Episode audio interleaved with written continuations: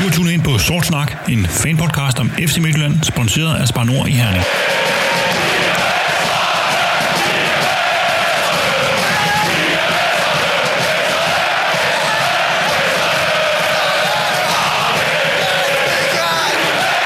Velkommen til Sort Snak, fanpodcasten om regionshold, de danske mestre, Champions League-deltagerne, FC Midtjylland. Mit navn er Kent Nielsen, og jeg er vært på denne podcast, hvor vi har en hel del emner at tale om. Vi skal tale om Champions League-gruppespillet, transfervinduet og søndagens opgør mod Horsens, og må ikke også, vi lige skal kigge lidt frem mod OB-kampen, som vender på den anden side af landsholdspausen. For at komme igennem den dagsorden har jeg fuldt hus her i studiet med tre medfans, hvoraf de to er garvede rotter, mens den sidste er debutant. Den første garvede rotte er dig, Peter Krog. Velkommen til. Ja, tak. Sidst du var her, det var jo morgenen efter den store triumf over Slavia Prag. Er du øh, kommet ned på jorden igen? Jeg ved sgu ikke, kan man snakke, svare både ja og nej til det? Så jeg er stadigvæk helt høj over, at vi skal spille Champions League. Det synes jeg er forrygende fantastisk. Det glæder jeg mig helt vildt meget til. Omvendt vil jeg sige, at øh, den der kamp i Horsens var måske ikke med til at pimpe mit humør endnu mere. Så det er sådan lidt, øh, du har lidt blandet her i dag? Ja, det har det. Ja, det, det er blandet. Jamen, øh, det, øh, det lyder jo glimrende til, til resten af podcasten, at der både kommer surt og sødt over for dig, så, yes. så er det, som det plejer. Godt, den anden gang råd til dig, Nikolaj. Velkommen til. Mange tak. Vi har vundet suveræn mesterskab. Vi øh, er gået igennem Champions League-kvalifikationen øh, og skal spille Champions League. Den øh, nærmeste konkurrent, de er i stor krise lige nu, som vi sidder her. Altså, det er vel den bedste tid nogensinde at være FC Midtjylland-fan. Ja, der er i hvert fald en væsentlig kontrast til øh, en træls majdag i Sønderjyske øh, for en, eller Haderslev dernede for en, hvad, hvad blev det, 14. Øh, det må man sige, det er gået op ad bakke siden da. Så, så er der også en frygt for, at det går ned ad bakke igen. Når man er på toppen, så kan det jo kun gå en vej. Altså, det kan godt være, at det lige i PT er svært at se, hvordan vi kommer højere op, når vi står og, og skal møde øh, de hold, vi, vi har været så heldige at trække i Champions League osv., men uh, lad os da nyde at, og, og være her og forsøge at konsolidere os, om ikke andet. Vi skal helt sikkert nyde at være her også den næste halvanden times tid her i podcasten.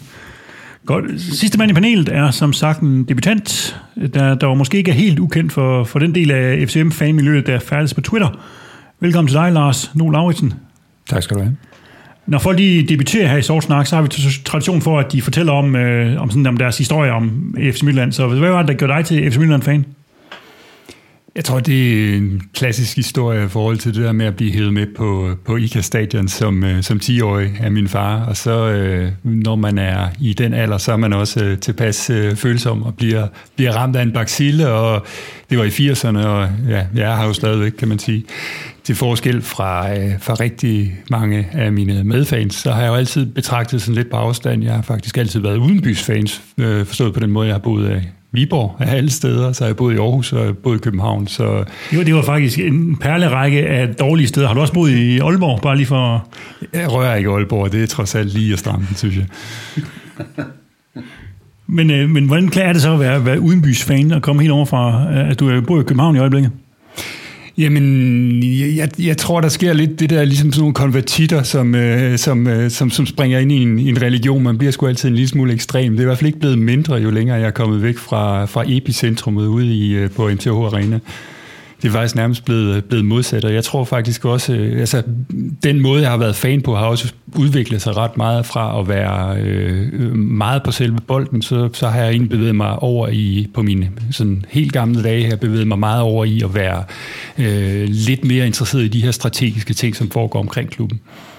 Godt, og en af grunden til, at du er her i Herning i dag, det er jo, at øh, vi to faktisk over den sidste måneds tid har, har været i gang med sådan at lave en særudgave kan du ikke øh, sige lidt om, hvad, hvad det går ud på? Jo, nu nævnte du selv før det her med, at øh, vi står midt i en, øh, en enorm succes, og vi kan næsten ikke ske, øh, se, at det kan gå ned ad bakke igen. Så vi, øh, vi våger pelsen lidt, og så har vi faktisk tænkt os at lave en, øh, en, øh, en særudgave om øh, måske den værste øh, sæson i, i klubbens historie overhovedet, netop øh, 13-14 øh, sæson, som, øh, som Nikolaj også lige nævnte, hvor vi jo øh, står tre runder før tid på førstepladsen øh, sammen med, med OB, og så ender vi med at smide det hele væk i, i tre fuldstændig forfærdelige runder og står i til Sydlandet i et dybt hul derefter. Øh, man kan sige, det er jo også, øh, og det er jo også det, det kommer til at handle om, det er jo også den, den sidste sæson i klubbens historie heldigvis, hvor, øh, hvor vi står uden pokaler. Det, året efter, der vinder vi øh, øh, mesterskabet for første gang, og, og en, en del af tjekket på det, det er også det der med at sige, jamen, kan vi måske komme tættere på at svare på, om, om øh, al den succes, vi har oplevet, om det er Benhams fortjeneste, eller om vi faktisk kunne lære noget af den der sæson. Så det, det er noget af det, vi godt vil bruge lidt i. Ja, vi har sådan et, øh, et eller andet slogan, der går på, kan man skabe en vinderkultur ved at tabe, altså, som, som vi gerne vil prøve at undersøge. Så, så det er vi godt i gang med. Vi har jo snakket med, med Glenn, vi snakker med Steinlein, vi snakker med Christian Bak, og vi har faktisk også har fat i Jeppe Kurt, som skal fortælle om den her sæson. Så, så det sidder vi i øjeblikket. Vi har ja, 4-5 timers råbånd, vi skal klippe ned til en podcast på, på en time, øh, som kommer på et tidspunkt. Så det, det bliver spændende, når vi engang øh, får den øh, klar. Godt. Velkommen til alle sammen. Tak. Tak. Mange tak. Hey, Claguda! gutter! Hey, klar, gutter! En!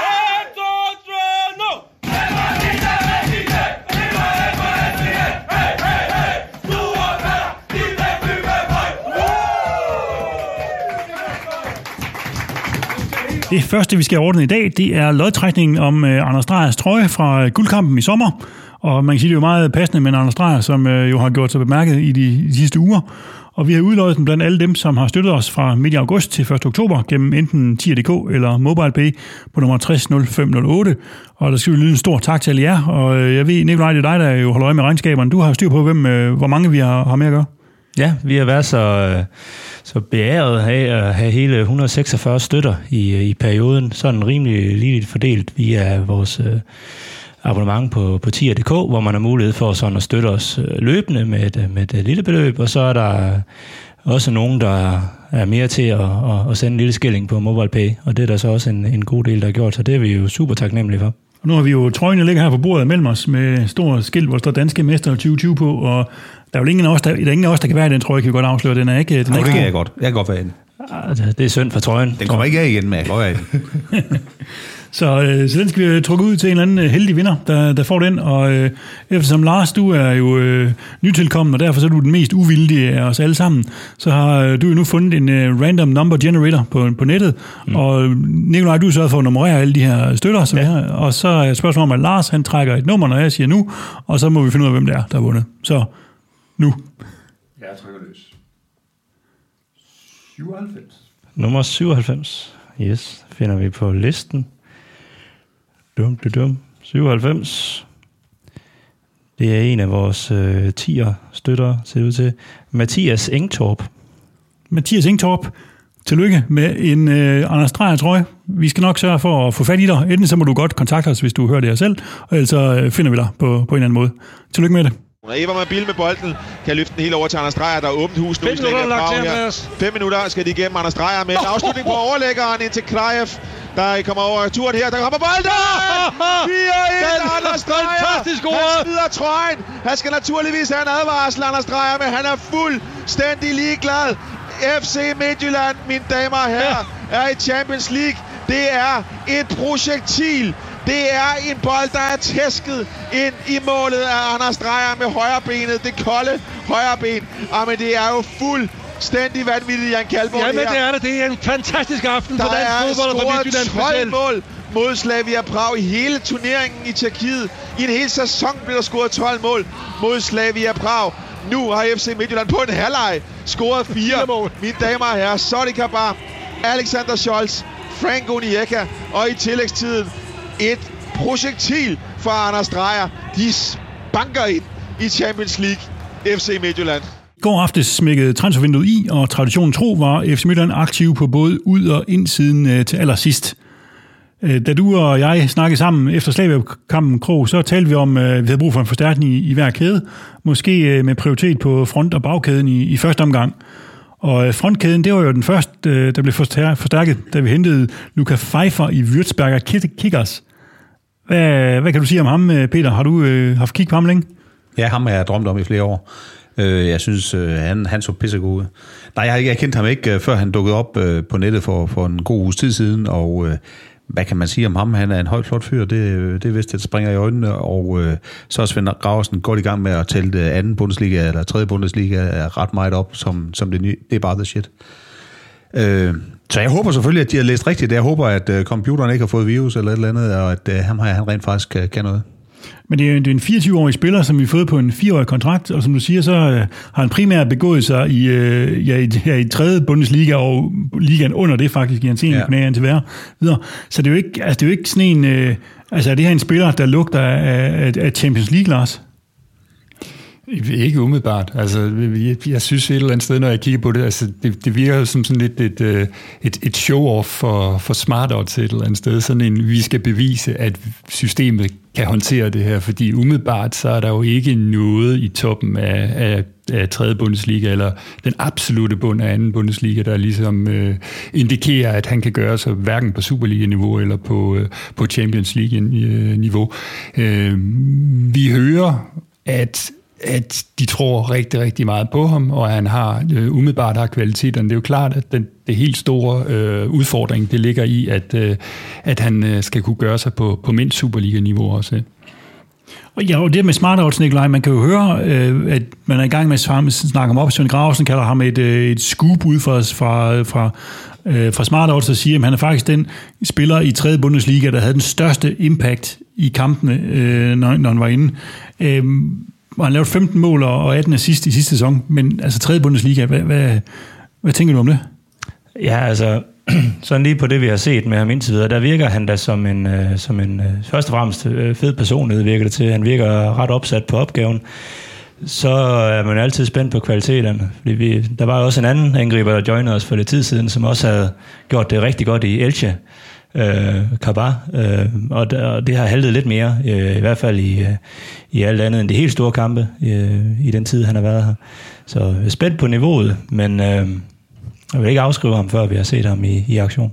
Altså, det, det, det, som vi, jeg ved ikke, om der var, var nogen af jer, der kom til at, at, at se det her TV Midt Vest-indslag, som, som florerede en gang i sidste uge, hvor, hvor de kom for skade og viste, at de sad og kiggede på nogle af de her øh, spillere i øh, katakomberne ude i IKAST, og der, øh, der kiggede de jo blandt andet på, på Pfeiffer her, og, og, og det man måske lagde mærke til, det var i hvert fald, at Steinlein han sagde, øh, kan han score mål?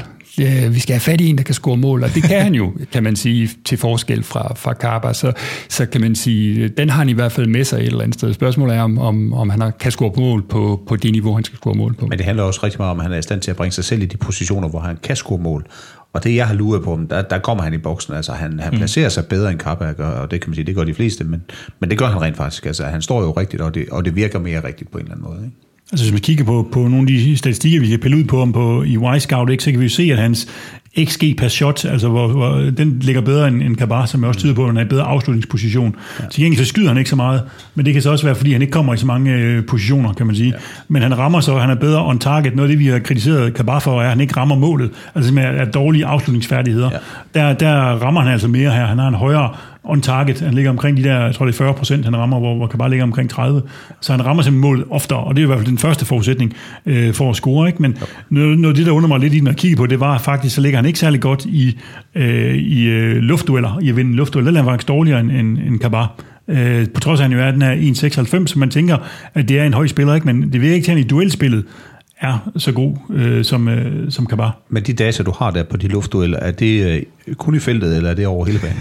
Altså, det er over hele banen. ja. Fordi man kan sige, i feltet, og der synes jeg jo heller ikke, at Kabar vinder specielt mange hovedstødstyrer. Altså han, han kommer til lidt, men, men det lugter jo hverken af Paulo Noraggio eller, eller af Duncan på den måde. Så, så man kan sige, hvis ham her Pfeiffer, han er en rigtig boksspiller, og han vinder OK med hovedstødchancer dagen, så er det fint for mig. Men han er vel sådan på en eller anden måde prototypen på den her FC Midtjylland-angriber, ikke? En høj, stort, høj skur. Det er ligesom den, øh, det er ligesom den profil, vi, vi, vi leder efter, Nikolaj. Ja, det kan man jo sige. Siden, øh, siden med, særligt med, med Duncan og Duncan-bolden og alt det her, ikke, så, har vi, så har vi altid haft ham her op foran, der, der fylder øh, cirka det, som to normale angriber vil gøre. Ikke? Der kan Øh, måske være lidt med farven. Ja, det kan der. Der, der differentierer vi os lidt. Det er måske ja, over Eller mod noget noget Duncan nyt. igen. Ja. Øh, altså, han er jo sådan lige, hvad jeg kan se, at han er ikke lige så bred, som Kabar er, men øh, lidt højere, og hvis han så kan time sit hovedstød bare en lille smule bedre. Øh, vi er jo en af de, øh, uden lige at helt have statistik på det, men vi har i hvert fald kigget på, at Mabil, han, han slår alle rekorder i Superligaen i forhold til antal indlæg. Så hvis bare en brygdel af alle de mange, mange indlæg, vi kaster i, i feltet i løbet af sådan en kamp, øh, rent faktisk kan blive omsat, så, så kan han hurtigt blive pengene værd. Men som, som vi snakker om her, så det der, det der er den store spørgsmålstegn, det er her, kan, er jo, om han kan gå ind på niveauet. Altså har han niveauet til Superligaen og til, til Champions League, ikke? Altså umiddelbart så virker det jo helt vanvittigt, at man skulle gå fra 3. Bundesliga og Champions League på 3-4 måneder. Altså, så er der i hvert fald nogen, der har misset et eller andet i scouting nede i Tyskland, kan man sige. Øhm, men hvor tænker vi egentlig, at han går ind i det her angrebshierarki? Altså, altså tænker vi det her, at det er en, øh, et første valg, vi hentede? Eller er det en reserve, der sådan set skulle have fyldt Ronny Schwarzes rolle som, øh, som, ja, i, i, i, truppen? Hvad, hvad tænker du, Krog? Jeg tænker, han skal bevise sig. Jeg tror, han i første omgang skal bevise sig til træning. Og øh, så får han øh, chancen i nogle Superliga-kampe, og der, den, den chance skal han gribe, hvis han skal ind, udspille de der internationale kampe, fordi ellers tror jeg, det bliver Kapper, ligesom vi har været vant til at se, øh, der spiller de kampe. Ja, fordi man siger, vi har jo, altså Karp har jo vist i de internationale kampe, der spiller han sådan set ganske hederligt og, og, og, kan godt noget der. Så det kunne godt være, at det, her, det var en spiller, man tænkte, jamen vi har brug for en, fordi Kabar han gav jo ikke spille Superliga, så vi har brug for en, der kan score mål i Superligaen, og der er øh, trinnet fra øh, anden Bundesliga trods alt mindre øh, end, til Super, end til Champions League.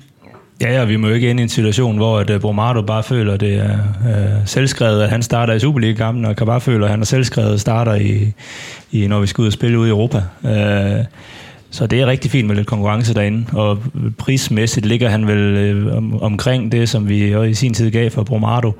Øh, så må ikke det er, at Bromado han skal ligge og slås med lidt minutter om i Superligaen i første omgang. Viser han sig så at lave en, en sørlot og, og virkelig øh, give den gas, jamen så skal Kabar nok også begynde lige at se sig om på, på den europæiske scene. Men det her, det var vel ikke lige den hylde, som, som vi regnede med, Lars, da vi så tænkte, nu skal vi have en angriber ind, fordi det, vi snakker om, fald her omkring bordet, dig og mig, Peter, det var jo at nærmere, det var til toppen. Mm. Vi skulle have en angriber, og det er svært lige udenbart at se ham her, at det skulle være til toppen. Ja, det, ja, altså man kan sige, det er svært at købe angriber helt generelt. Altså, det har vi jo i hvert fald vist, at, at det, det excellerer vi ikke i endnu. Altså, det ser ud som om, vi har meget, meget nemmere ved at finde til andre positioner på banen, og vi kan ikke købe så meget dyrere, end det vi har gjort, kan man sige. Så, så, så hvad gør man her? Altså, jeg ser måske, og det er lidt ligesom Nikolaj han også siger, at, at, at vi har en ret lige kamp, kan man sige. Så kan man spørge, har vi en kamp på et, et højt nok niveau, men, men et eller andet sted, så tror jeg, der er, så, så er der game on for alle de tre angriber, der er et eller andet sted. Men det er klart, at jeg er en lille smule skeptisk i forhold til, om man kan tage det der niveau omvendt. Så, altså som jeg sagde, det her med det er smart at ja, smart odds øh, show-off, som vi har haft et eller andet sted, det er jo den her, det her mantra om, at man kan flytte en spiller fra i England uh, League 1 til uh, Premier League, fordi niveauet ikke er så tilpas, uh, der ikke er så tilpas stor forskel i det niveau. Nu prøver vi det så på Tyskland, og nu må vi så se, om det kan lykkes. Jeg synes, det med niveauet, det rammer spot on, at vi ved ikke, hvad det er for et niveau, vi henter ind på. Og øh, vi har jo hentet Brumado, som vi jo heller ikke rigtig vidste, hvor, hvor han ville lande hen. Så det, der bekymrer mig her, er jo også den der kommunikation, der har været med, at når vi skulle ud og hente noget, så skulle det være til toppen af hierarkiet, og vi skulle være noget, der løftede overlæggeren. Og den del har jeg bare umiddelbart svært ved at se i det, vi har hentet her. Men, men tanken har vel været noget med måske, at man skulle erstatte Ronny, som vi så i, i sidste øjeblik ikke kom af med alligevel, så man ligesom havde en åben angriber og plads og sige, okay, vi skifter ud der, eller hvad? Ja, jeg er åbenbart for vild med at være i Herning, så, så det må han jo så blive ved med. Øh, men ja, jeg tror da helt klart, at, øh, at man havde da regnet med, at Ronny øh, synes, at det kunne være spændende med England, og nu kan vi se, om, om der er et eller andet, der sker alligevel med, med Ronny, øh, en eller anden art. Men, øh, men ja, man har nok ikke regnet med at stå der kvart over 12, og så var Ronny stadig i klubben. Og så var der jo endnu mere presserende, at man skulle i hvert fald have mere end, end to op på toppen. Øh, jeg ved godt, Vibe er der, men han er om ikke andet en, en, en lidt anden øh, type, og måske lidt mere en, nok ikke spidsangriber på den måde længere. I hvert fald noget, der skal ud og løbe stærkt til sidst. Og det er jo ikke ligefrem den gameplan, vi som ofte går til kampene med. Og, og, og netop Ronny, Lars, ham, øh, altså, han skal jo videre. Nu er han, øh, før var han fjerde valg, og ikke engang med i truppen. Nu er han femte valg, så nu er han ikke engang med, jeg ved slet ikke, hvad han er med til. Altså, nu kommer han ikke engang med ind på stadion, fordi der ikke er plads til ham længere. Altså, han, han skal vel videre. Der er vel ikke plads til ham, kan man sige. Og hvis der kun kan lukkes 500 ind, så er det jo, så er det jo helt sikkert, kan man sige. Øh, jo, jo, altså det, det er en ny Dalhente. Altså han får et halvt år på samme måde, ikke? hvor jeg forestiller mig også, uden at, uden at have nogen indsigt i det, at der er nogen på de her direktionsgange, der er en lille smule utilfreds med, at, at de der 2,5 millioner, de, øh, de ikke kom ind i kassen. Øh, jeg synes, det er meget skuffende. Jeg tror egentlig heller ikke umiddelbart, at jeg helt forstår resonemanget omkring det der. Han, øh, han kommer ikke til at spille med. Nej, han må jo virkelig have set noget, han ikke bryder sig om. Altså, fordi man siger, umiddelbart til det Charlton, England, sandsynligvis... Ny ejer, ny ja. dagsorden, det virker umiddelbart spændende, og et eventyr for, for en spiller af hans øh, type, de, de kommer jo ikke på den måde. Jeg tænker, at London kunne være et fedt sted. Altså, jeg forstår heller ikke, at han ikke griber den. Nej, men nu, øh, hvis ikke, han- der er selvfølgelig stadigvæk nogle markeder, der er åbnet, hvor vi måske kan, kan komme af med ham, fordi ellers er det jo, ja, kan man se frem til to-tre måneder på tribunen. Ja, det, øh, det, det, indtil- det, det er tæt på være karrierestop, er det ikke? Det er altså et eller andet sted, så kan man sige, hvad skal, hvor skal han gå hen, ikke? Altså. Er der Rusland, der er åbent nu og sådan noget? der kan Ja, men så selvfølgelig er også der ikke noget Holland og noget, der, hvis der også er også nogle lidt mere attraktive end Kina og de der Det kan andre. også være, at han har taget en eller anden kalkyle, som, øh, som Ronny synes var smart, men et eller andet, hvor at, man siger, der er tre måneder til næste transfervindue åbner, og han har måske ikke synes, Charlton var, var det, han lige øh, så for sig. Men Jeg hvis vi ikke. skal bruge Dal Hente-casen til noget, så kan man sige, lige nok, det, det, der er, svært, ja, det er farligt, ikke? Jo. Ja. Godt, vi må se, hvad der sker med, med, med Ronny over, over næste stykke tid. Altså, øh, fordi han, vi har han sandsynligvis, ja, vi skal måske spille nogle pokalkampe, men der har vi så, vi har sådan bred en trup, så ikke engang en pokalkamp kommer han til at spille. Ikke nødvendigvis. Nej, så han har spillet de sidste minutter. Sandsynligvis, ja. Godt, da angriberen så var kommet på plads, så måtte vi vente lidt på en centerforsvar, som var det næste på vores ønskeliste. Og der var jo flere rygter i gang. Der var en Frederik Sørensen, der blev nævnt, øh, og alle mulige andre sådan spændende spillere, men, men, men kort for vinduet lukket, så hentede vi den tidligere OB'er Daniel Hø, som stod uden kontrakt. Hvad, hvad tænker du om det, Nikolaj? Øh, ja, Jamen, hvad tænker jeg om ham? Uh, han er jo ikke uh, efter sine øh, nærmest spillet et minut siden uh, coronaen uh, kom til Europa, uh, så han er altså sandsynligvis lidt rusten. og, uh, og en rusten spiller, som er lidt oppe i årene, om ikke andet, tager nok også lige et par kampe om at komme i gang igen. Men jeg tror, det er en, sådan en eller anden form for, for rettidig omhu i forhold til at, at sikre noget bredde. Og hvis en af, en af de to herrer nede bag skulle ryge afsted til, til vintertransfervinduet, som jo er øh, lige om lidt i, i fodboldtermer, så er det måske godt nok at have en, som, som lige har haft øh, tre måneder til at, at spille sig stille og roligt i form. Men og skulle der gud forbyde det, være, være nogle skader, der bliver lidt mere alvorlige i de bæreste kæder, så har man en med lidt rutine, der kan gå ind også. Fordi der har vi været lidt tynde de sidste par kampe. Men vi har at gøre med, med en spiller, som snart bliver 30, som har haft en del skader, og som du siger, ikke, Nikolaj, ikke spillet ret meget, og han er på en korttidskontrakt, altså han er frem til, til, til næste sommer, til sæsonen ud. Altså, det, det ligner jo sådan et desperat move for nogen, der, altså mere det sådan en velovervejet strategi, Peter. Altså, det, det, jeg tror også, at øh, efter de bylletinger, jeg fik i går aftes, øh, hvor jeg hørte lidt om, hvem man kiggede efter, og der må jo så tydeligvis have været ting, der ikke kunne flaske sig siden, øh, at de navne ikke dukkede op. Og så ham med, at han dukker op sidst på aftenen, så, så er det, det, er- det er ren brændslukning, det her. Det er ret tydeligt. kan du sige noget om, hvilken type forsvarsspiller han er, Lars? Altså, kan du huske ham fra, fra OB siden? Det er måske der, vi har set ham mest. Ja, det er jo lige ved, som. Jeg tror, altså hele sidste år, der har han jo spillet noget, der ligner 21 minutter eller sådan noget, så det er jo ikke engang en corona-ting. Det er jo ikke engang, fordi de lukkede ned i Holland, og jeg må faktisk indrømme, at jeg har, jeg har egentlig svært ved at genkalde ham. Jeg tror, vi skulle ringe til en, til en OB-fan eller to. De er vist ret, øh, ret bitre over, at han ikke, han ikke røg til Ådalen. Men altså, for mig at se, er det mere en, øh, en, en backup for, for Erik, end der for Scholz et eller andet sted. Det ser ud som om, øh, han vinder sine dueller. Øh, han, er ikke, han er ikke lige så, så, øh, så kropstærk på den der måde, men, øh, men, men, men han tager sine øh, dueller, og han vinder der. Jeg synes egentlig, altså nu har jeg trukket lidt data på ham, øh, og det han har leveret i Holland for år tilbage er, er ganske udmærket. Altså problemet er jo det her med, at det så er et år siden, han har leveret det.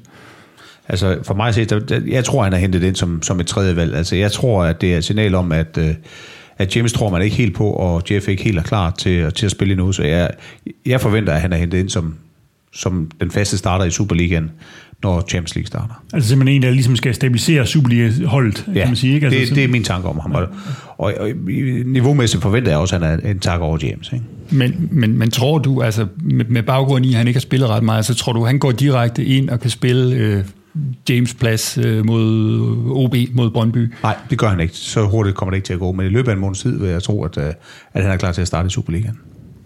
Men det er jo en spiller, som, som også Lars siger, Nikolaj, øh, som de jo i Odense er frygtelig ked af, øh, ryger til, til Midtjylland. Vi sidder lidt utilfredse med ham. det, er, jo- det er jo lidt en, øh, de sidder, altså, en mand med, med sådan en tidligere indført, de har sådan, det der virkelig har sagt, han var, det var OB og kun OB i, i Danmark, ikke? så sidder Grøn til os, og vi sidder og siger, hvad, hvad, hvad skal vi med ham, det er en nødløsning. Øh, så er vi, er vi for kritiske her? Altså er der en, en, en spiller, som vi undervurderer lidt? Altså, jeg tror, jeg tror måske også, vi skal give manden en, en, en færre chance. Jeg så godt nok, øh, der var nogle, øh, nogle billeder fra OB-stemmer, øh, der kørte noget live, da, da, da det blev annonceret. De så ikke videre tilfredse ud af. Øh, det er selvfølgelig lidt synd for dem. Men øh, altså, igen, vi, han er en spiller på 30 år, og jeg, vi vil også have sat her og synes, at det var underligt, hvis vi har givet ham 3-4 års kontrakt, fordi det gør vi Øh, per division, ikke? Med, med spillere over 30. Altså det, det er lidt mere og mere det, vi går over til, ikke? Øh, så på en måde, så hvis der ikke har været andre muligheder, jamen, så skulle, skulle okay at få noget rutineret bredde ind ned i forsvaret, end, som Svend gør meget ud at sige, noget, noget, noget dansk øh, forsvar dernede, som kan gå ind i den her trækløver hernede som en, en fuldgod erstatning. Øh, for det er der ikke fuldgod erstatning på niveauet nødvendigvis, men på lederrollen, han kommer noget erfaring, øh, som også kan, vi har manglet noget erfaring i Superliga-kampene, der har været noget, der manglet noget stabilitet. Og det kan godt være, at han ikke har niveauet som sådan til måske ikke engang til 90 minutter i starten, men han har noget erfaring og forhåbentlig også noget ro, som vi har kunne bruge i nogle af de her Superliga-kampe, hvor vi har set lidt øh, flagrende ud. Jeg, jeg tænker, at nu, nu siger du det her med, at han er for en 3-4 år, det, det synes jeg bestemt heller ikke, han skal have. Men jeg synes, der er et kæmpe signal i, at det kun er et år. Altså, man kunne jo sagt have givet ham en to år, hvis man troede på ham og følte, at det her det var den rigtige løsning. Men et år, det signalerer bare, at du er her på låntid, og hvis du skal have mere, så skal du virkelig bevise dig. Jo, fordi man kan sige, ja. vi, vi er jo alle sammen ud fra, at nu røg Erik ikke i det vindue her, men ja. uh, han vil sandsynligvis, synes jeg også, det er noget at signalere her efterfølgende, ikke? at allerede næste vindue kan godt ryge. Og når man så, ikke, så, når man så giver en etårig til Daniel Høgh, så er det ikke fordi, man tænker, at han er Eriks erstatning. Nej, det altså, så er det fordi, man tænker, at vi er på udkig igen til næste vindue. Ikke? Uh, så, så det er vel det, der, der er det klare signal i det her. Så det her, Lars, var, det så den her hylde, du regnede med hentet på? Nu snakker vi før om, at Pfeiffer, det var ikke det, vi måske lige regnede med hyldemæssigt, og Daniel Høgh var vel heller ikke der, hvor vi regnede med, at vi skulle handle, da vi fik en kvart milliard i øh, klubkassen. Nej, nej, nej, bestemt ikke. Altså, øh, jeg tror bare heller ikke, det var der, vi startede. Altså, det, det er jo også noget af det, som vi, vi har været lidt ind på, det her med at sige, jamen, de der har været indikationer på, at man har sigtet højere på et tidspunkt. Der var lidt snak fra spanske medier om en, om en spansk forsvarsspiller blandt andet. Vi har snakket øh, Frederik Sørensen også og sådan nogle ting. Og det, altså, så har stemningen nok været en anden et eller andet sted i dag, som, som vi sidder her. Øh, jeg ved ikke, hvad der er gået galt. Øh, det kan også være, at øh, jeg, jeg tror, der ligger som...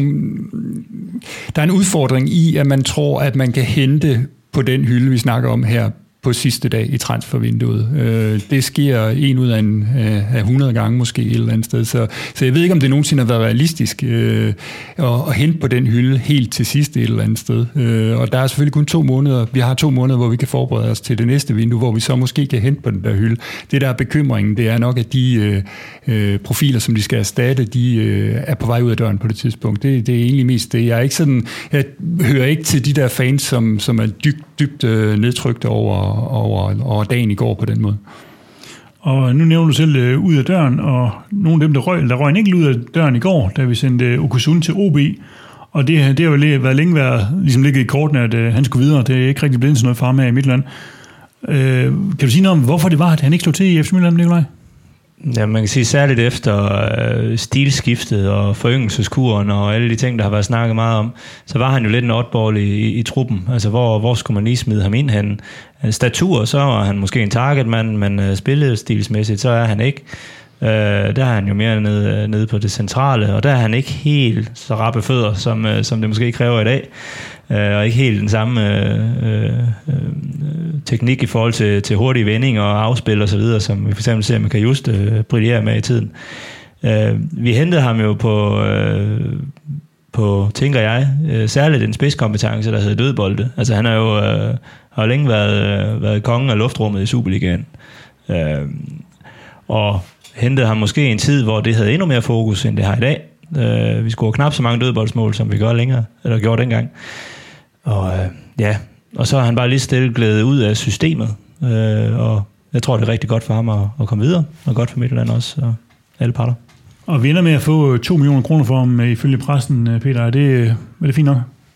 Ja, det er vel bedre, end han render og spiller med reserverne øh, langt væk fra førsteholdstruppen mod IKAST, så, så det synes jeg er fint. Og øh, der var vel der var vel OB, og der var Horsens, og så måske Sønderjysk, vi kunne sælge ham til, og jeg tænker, det der, det er det maks, man kan vrede ud af det. Det er 2 millioner. Godt. Øh, når man så kigger på de, øh, de spillere, der kom ind, som vi gjorde før, Lars, øh, samlet set, det er ambitionsniveauet. Altså, øh, er, er, er, er det været højt nok i det her vindue? Har vi forventet mere, eller hvad det? Nu har vi snakket om det der med, jamen, hvor, hvor let kan det være? Men man kan sige, at vi står i en situation, hvor vi er i Champions League, vi kan lokke med. Vi har lige fået fyldt bankbogen op, og der er corona, som gør, at, at flere spillere ligesom er ledige, og, og markedets priser er, er, er presset. Så, så burde vi have fået mere ud af den her coronasituation nu her? Det, Ja, Hvis, hvis du tager hele coronasituationen øh, med i betragtning, så er det måske svært at kræve så meget mere af den, kan man sige, fordi jeg synes, vi har fået rigtig, rigtig meget ud af den periode, sådan helt generelt. Øh, blandt andet har vi fået det ud af, at, at truppen er blevet holdt sammen, og det, det synes jeg, det kommer vi sikkert også til at snakke lidt mere om, men det synes jeg på ingen måde, man skal undervurdere. Det er faktisk noget af det allervigtigste, øh, man overhovedet kan forstærke sig med i løbet af sådan et, øh, i sådan et vindue. Øh, så, så vi var ude i, og vi skulle forstærke os på nogle ganske få positioner, kan man sige, og det gør måske heller ikke situationen så specielt meget lettere. Jeg synes godt, vi kunne have fået mere ud af det. Jeg synes også, måske det var lidt mærkeligt, at, øh, at Hillemark han pludselig øh, befandt sig i Aalborg, i stedet for øh, i IKAST øh, efter i går.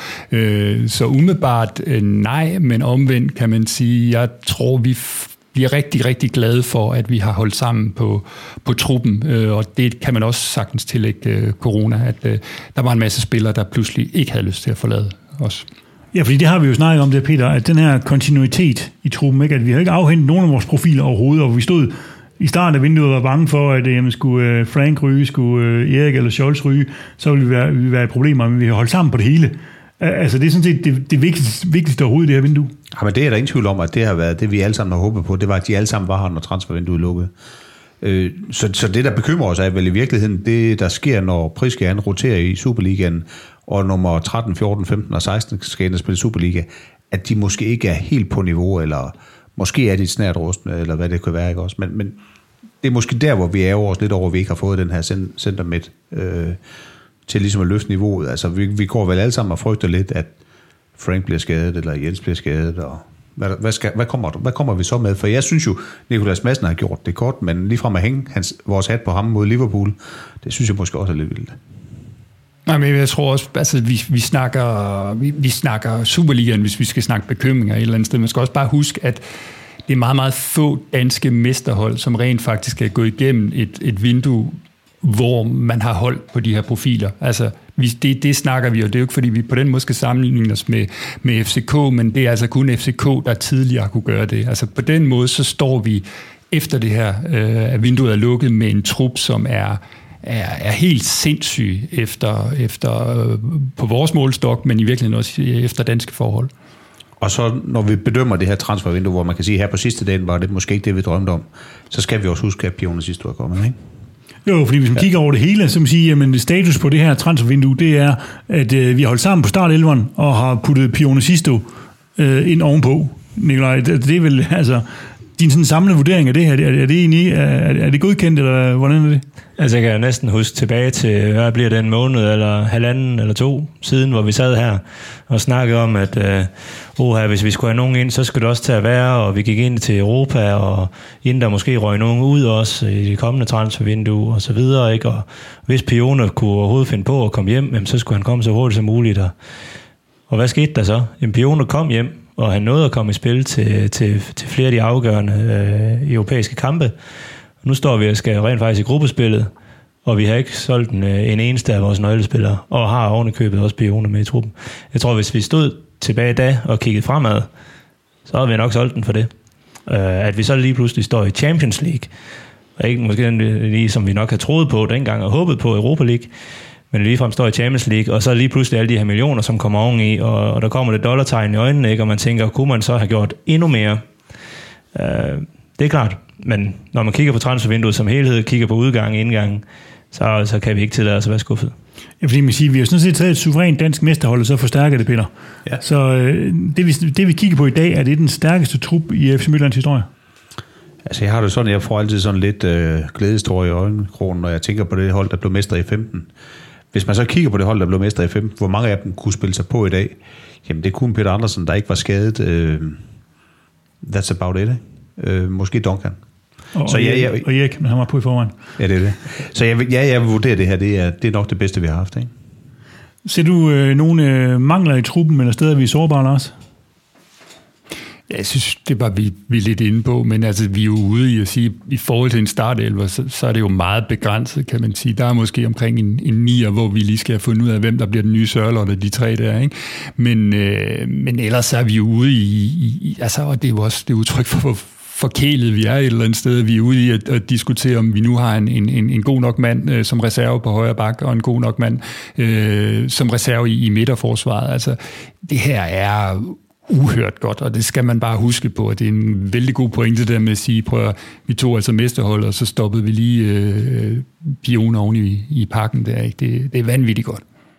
Jeg er rigtig, rigtig skuffet over, så dårligt FC Midtland, de klarer sig internationalt. Jeg synes bare ikke, det er godt nok. Og jeg har også sagt til dig, jeg synes, I undervurderer den opgave hver eneste år. Mm. Hvad er det, ja, hver, vi, vi vinder alt noget herhjemme, når, når det er internationalt, du spiller om mange penge. Vi skal have fat i de penge. I onsdags sikrede vi os klubbens første optræden på den allerstørste scene, nemlig i Champions League-gruppespillet. Jeg har snakket med Peter om det tidligere, lige efter triumfen over Slavia, men hvad var egentlig øh, din reaktion på det, Nikolaj, og at vi, at vi lykkes? Altså nu var jeg jo til øh, var-introduktion ved Michael Johansen her for et par måneder siden, og øh, der var jeg positivt stemt, og det er jeg bestemt stadigvæk.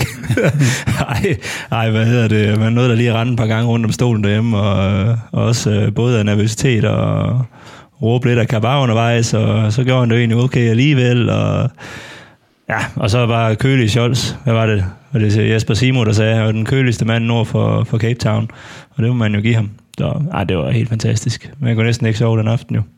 Med dig, Lars? Fik du råbt så højt, så Ståle han kunne høre dig derovre i København? Ja, han lytter ikke til andre end, uh, end sig selv, det ved vi jo, så det, det, der kan jeg råbe lige så højt, jeg vil. Uh, ja, det gjorde jeg selvfølgelig. Og, og hvor stort er det her for klubben, at man kommer ind på den her scene og, og kunne præsentere sig?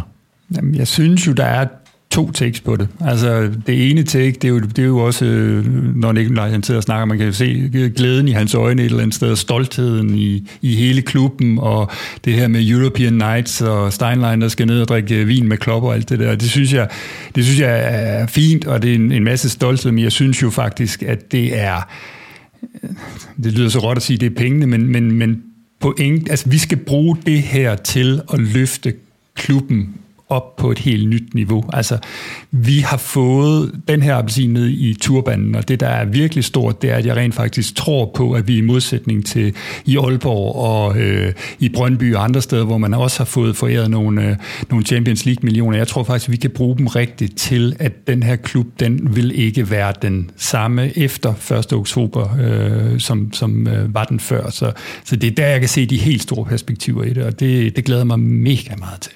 Ja, nu siger du færre, Lars, men der er også noget af det, der virkelig også, jeg synes, er det, der gør, at man jubler endnu mere over det. Og det her med stoltheden over, at det, det lykkes langt om længe. Det var, det var ikke bare sådan, det lige nøjagtigt lykkes. Jeg ved godt, der er nogen nede i, i, øh, i Slavia, der nok synes, at, at vi havde medvind i, øh, i den sidste kamp. Men vi har altså slået tre øh, mesterhold ud, som øh, både på ranglister og det ene og det andet øh, burde være bedre end os. Og vi har været usittet i alle lodtræk. Ja, det det tredje hold i Champions League historie, eller hvad det var, som er gået videre og har udset hele vejen igennem. Sådan noget der, det er jo ikke bare, at vi var heldige lige at snuble os med ind, øh, som, som ja, Nordsjælland kan man nok sige, det, de var med, ja, men, øh, men det var nok på andres bekostning, og, og så kan man snakke så meget om, at FCK har optjent koefficientpoint og sådan noget. Ja, ja, men vi tog den altså hele vejen til usiget. Så det- på den led har de jo ikke hjulpet os, det ville. Vi gjorde det sgu selv. Og det er noget af det, der virkelig også øh, giver, giver plusser på den her. Det, det er sgu fedt. Og torsdag blev der så trukket lod til de her puljer, og vi endte i en øh, lidt lille pulje med nogen fra England, der hedder Liverpool, nogen fra Holland, der hedder Ajax, og så i et eller andet italiensk hold, der hedder Atalanta. Hvad siger du til den pulje, Peter? Jeg siger jo, at når man kommer i Champions League, så skal man måske ikke forvente, at man får en lodtrækning, hvor man nødvendigvis er favorit til at gå videre. Og det har vi så heller ikke fået. Så jeg tænker, det bliver en kende op ad bakke. Øh, jeg vil hæfte mig ved det, Nikolaj siger, at vi jo allerede sådan semisportsligt allerede har haft en lille smule succes, og her har vi mulighed for at overraske. Og det tror jeg sådan set også godt, at vi kan. Altså, vi sad jo og snakkede da, torsdag morgen der omkring det, og jeg sagde, at jeg vil gøre det i puljen med, med Messi og Ronaldo, ikke? Og, det, og den var jo lige ved at være der. Ja, det var det, og det ville jeg også rigtig gerne have været. Øh, Så det, det ærgede mig lidt den dag, ikke? Altså, fordi det der med at få sådan to ikoner, øh, kunne være, øh, altså kunne være episk og, og, og, og have set dem live på ens eget stadion, ikke? Men, men til gengæld kan man sige, at vi får her nogle klubber, som øh, er kendte. Altså Liverpool er en af de mest øh, kendte klubber i Danmark, ikke? Og, og, i, og i verden, ikke? Og, og Ajax kender alle også, ikke? Og så Atalanta er sådan for øh, er fodboldkondisør, så ved de godt, der sker noget spændende dernede i, i øjeblikket. Så på den måde er det vel en, en, en, en meget attraktiv øh, pulje, Lars. Jo, jo. Altså, jeg tænker, der er 10 millioner Liverpool-fans i, i det her land, og de vil alle sammen synes, det er ganske fantastisk. Det er ikke Øh, mange, hvis man tænker over det. Ja, i betragtning af, at vi kun er tæt på 6 millioner. Ja, der er nogen, der er rigtig meget Der er nogen, der er rigtig Jeg tror, meget Jørgen Kjær for eksempel tæller for tre. Omvendt vil jeg sige, at nu må der så ikke rigtig komme tilskuere til de der kampe. Ja, det ved vi så ikke, men, men jeg kan huske, at Manchester United undskyld, øh, var på besøg, og man kunne risikere at komme til at sidde ved siden af en eller anden spade dansker i en Manchester United-trøje. Det slipper vi da trods alt for. Ja, Øh, det, er altså, jo, det er fantastisk flotte klubber, og, og, og jeg tror da også måske, at vi vil kigge tilbage. Jeg synes, det er ret fantastisk. Altså, jeg, jeg tænker sådan lodtrækningsmæssigt, så ville jeg hellere have haft øh, to rigtig gode og en, og, en- og en lunken mellemvare, og det synes jeg ikke, vi har fået. Jeg synes, øh, man skal være meget fodboldhipster for at være rigtig glad for at få Atalanta ind. Altså, der ville jeg hellere have haft sådan noget Krasnodar eller et eller andet, så man kunne have fået nogle point med sig, fordi jeg, jeg tror, vi kommer, jeg tror, vi får en ny frisyr alle sammen. Vi bliver blæst tilbage. Eller, Ja, Og, jeg netop, vi snakker point, Nikolaj. Hvor mange, øh, hvor mange point venter der os i sådan en pulje her? Fordi øh, altså, der er 20 millioner kroner at hente for en sejr. Ja, det er. Altså, altså, det, er jo, øh, det er jo vanvittigt beløb, vi snakker om her, ikke? Altså, øh, hvad, hvad, hvad tror du i, i sådan en pulje her? Hvad kan det kaste af sig? Altså, nu er Tøfting jo hurtigt ud og melde, at øh, det kaster absolut intet af sig. Øh, og, og skal man sådan være helt, øh, helt øh, konservativ og, og, og regne ren statistik på det hele, jamen, så er det da ikke sikkert, at der kommer det eneste point. Men altså, hvis man kigger på det, så og man øh, tænker, at vinden er i vest, og vi er vant til en vestlig vind heroppe, og, og alt er godt, ikke? og det går vores vej. Og, og var blive ved med at synes, at øh, vi også lige skal have måske øh, en, en lille medvind en gang imellem. Jamen, så kan der måske ligge, ligge tre point mod Ajax, hvis Ajax rammer en ringe dag. Altså, vi, skulle vi møde Groningen, så tænkte jeg, at vi kan nok godt slå Groningen. Og Groningen, de slog trods alt Ajax her for nylig. Og, og Ajax har mange unge spillere. Kan vi ryste dem? Det ved man ikke. Altså, det kan være vores håb. Og kan vi så finde et enkelt eller to point mere? Lad os sige to uger gjort, vi kan finde i noget... Øh, hvis vi kan være super heldige mod Atalanta, skrave et point sammen der, og så Liverpool, der stiller med B-hold, fordi det er gået videre i den sidste kamp, så sniger vi os op på fem, og så begynder vi at være deroppe omkring, hvor at vi med lidt held øh, rent faktisk godt kan gå videre på det. Og, og hvad skal det egentlig til for, at man kan kalde det, det bestået, Lars? Fordi er det nok det med at sige, fordi for mig på en eller anden måde, så har vi jo, vi har jo fået the golden ticket. Vi har fået den kvart milliard, øh, og det er sådan set bestået i sig selv, ikke? Øh, men når vi så er der, så er vi jo der for, altså ikke for at være turister og tage billeder og lave videoer om, hvil, hvem i truppen der er størst fan af, hvilke spillere på modstandernes hold. Øh, så, så hvornår bliver det kan man sige, pinligt, fordi man kan godt sige, at Liverpool-hold, det er jo måske top 2-3 i verden i øjeblikket. Som du siger, der kan vi godt få en, en ny frisyr. Øh, men man risikerer jo at komme i stormvær her, ikke? Men, men hvad, vil være, hvad skal til for at man siger, okay, det her det var faktisk et godkendt øh, gruppespil? Vi skal ikke lave Nordsjælland i hvert fald. Øh, jamen, det, er- det er svært at sige. Altså, jeg, jeg er ikke altså, sportsligt ikke særlig optimistisk, må jeg sige. Jeg tænker, kan vi, kan vi hive et par point, så er jeg, så er jeg langt glad. Øh, og så er det selvfølgelig også vigtigt, hvordan vi, altså, hvordan vi reagerer, når vi kommer derud, hvordan de unge mennesker de reagerer, fordi altså, det her er jo også noget, der peger fremad for dem et eller andet sted. En kan just kan følge med øh, så kan vi måske sagtens acceptere, kan man sige, en række smalle nederlag, men, men, men hvis vi ligesom tænker, jamen vi, vi var ikke helt tabt, og der var faktisk nogle spillere, der, der voksede på den her scene, så, øh, så kan det også være en succes et eller andet sted, men altså, jeg tror, vi er langt fra at gå videre, øh, men har vi 20% chance i hver kamp, jamen så, så, så, så bliver det vel til en sejr. Det er til 120 over seks kampe. Du er godt, du kan allerede nu høre, at det der med regning, ikke? Det, er, det, er, det er lige min alley. Men, men Peter, man kan høre jo øh, Midtland, de ude med det samme at sige, målsætningen må være at gå videre. Og det, og det er selvfølgelig på en eller anden måde rigtigt nok. Men, men er det også en realistisk øh, målsætning? Jamen, samtidig har vi nogle fede målsætninger i klubben, det må vi give dem.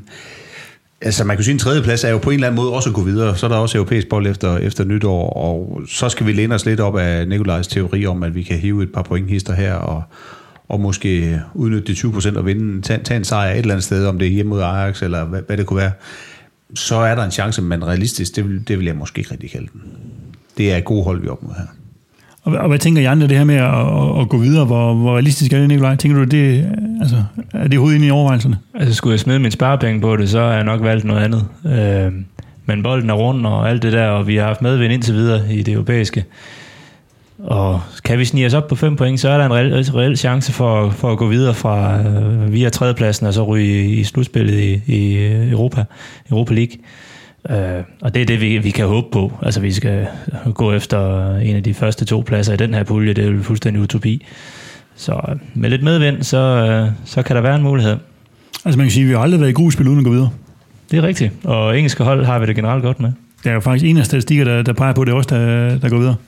Ja, ja, men det bliver lidt. Øh, nej, jeg, jeg, synes, jeg synes trods alt, at man kan finde en masse trøst i, at vi er vokset siden øh, Bulgarien-turen øh, mod Ludo. Altså, jeg synes, man har kunne se det her hold, at man var nervøs, da vi ligesom tog derned, og man havde ligesom det der bagage med at sige, nu fejler de nok igen et eller andet sted. Og journalisterne var alle sammen ude at sige, hvor, hvor, hvor, hvor meget underdogs vi var et eller andet sted. Og fra Ludogorets over Young Boys og til Slavia, der synes jeg faktisk, at vi for hver kamp og for hver anden halvleg blev, øh, der, der voksede vi fra gang til gang, og så må man også bare nogle gange sige, jo, det er nogle hårde modstandere, men lad os måske snakke mindre om, hvor gode de er, og, og lidt mere om, hvor gode vi potentielt er, fordi vi har en fantastisk trup lige nu, og måske kan de faktisk vokse videre. Det vil ikke overraske mig. Ej, det synes jeg er en fremragende pointe, det der. Og man kan sige, at det eneste sted, hvor vi har været lidt shaky, det var jo den første halvleg af hjemmekampen mod Slavia Prag, hvor man kan sige, at de måske var ramt en lille smule af, hvor betydningsfuld en kamp det var, og det var ligesom det skud i bøssen, der var, ikke? Hvor vi nu kommer ind i, i gruppespil, og der er måske ikke de store forventninger, der er de sikkerhedshækkes kampe, og de kan på en eller anden måde spille frit. De kan kun overraske. Der er ikke nogen, der har nogen forventninger om, om noget, og de kan spille deres eget spil. Og det er jo det, Priske står og prædiker inden alle kampe, vi vil spille vores eget spil. Og kan de få lov til det, jamen så kan der sagtens være nogle af de her, der undervurderes. Og så er det netop også i den situation, hvor det her med, at vi har holdt sammen på holdet, ja. at det kan komme til, til trone. Alle relationerne er på plads. Netop, er der noget, der kan, der kan gøre, at vi bliver kørt bagover for ny forsyre og det hele, så er det, hvis vi stemmer, stiller med et hold, der individuelt er, er undertippet, og hvor relationerne ikke er på plads endnu. Altså, så kan man virkelig få på, få på munden. Og, og vi har trods alt et hold, der, der kender hinanden rigtig godt. Og så kan man sige, hvis man står på den scene her for vores spillere, som, altså vi har også mange salgbare spillere, altså en god alder i, i truppen, ikke? Altså, hvis man kan vise sig frem her, altså så stiger priserne vel med 20, 30, 40, 50 procent på spillerne, ikke? fordi der pludselig bliver nogle andre markeder, der bliver åbnet. Så, så på den måde er det jo en fantastisk mulighed ja, det er for de spillere, der, der ligesom har, ja. ja, dem, der ligesom har ambitioner om at komme videre. Ikke? Ja. Jeg tænker også på en, på en Erik, som, som har været sådan lidt øh, knotten over, han ikke kommer afsted til Trapsensborg i det her vindue, ikke? Altså, jamen, hvis han spiller godt her, så vil der jo være en eller anden øh, mellembundklub i Premier League, der siger, der er sgu da en, øh, der spiller godt mod Liverpool, lad os da fremover, ikke? Altså, jo, jo, lige. Øh, så, og man kan jo dybest set sige, at i vores bedste start 11 der er der vel kun øh, Jesper Hansen og måske Sori Karabah, der ikke er store salgsemner, ellers er det jo alle sammen nogen, der kan plukkes rundt omkring, og der kan bruges andre steder, ikke? Ja. ja. Så det, det er jo en, en kæmpe, kæmpe mulighed for klubben. På. Altså for det første er det jo er en stor oplevelse for, for mange, og det, man kan vise sig frem, og det økonomisk giver det nogle, nogle strategiske muligheder for at kunne udvikle klubben, og det giver mulighed for at komme ind i den her positive spiral med at kunne sælge nogle spillere til nogle dyre priser, som så igen kan, kan være med til at fodre klubben. Ikke? Så det er jo en fuldstændig unik mulighed lige nu, midt i en coronakrise, hvor andre de bløder. Ikke? Så, så på den måde er det, jo, er det jo fantastisk timing, det her.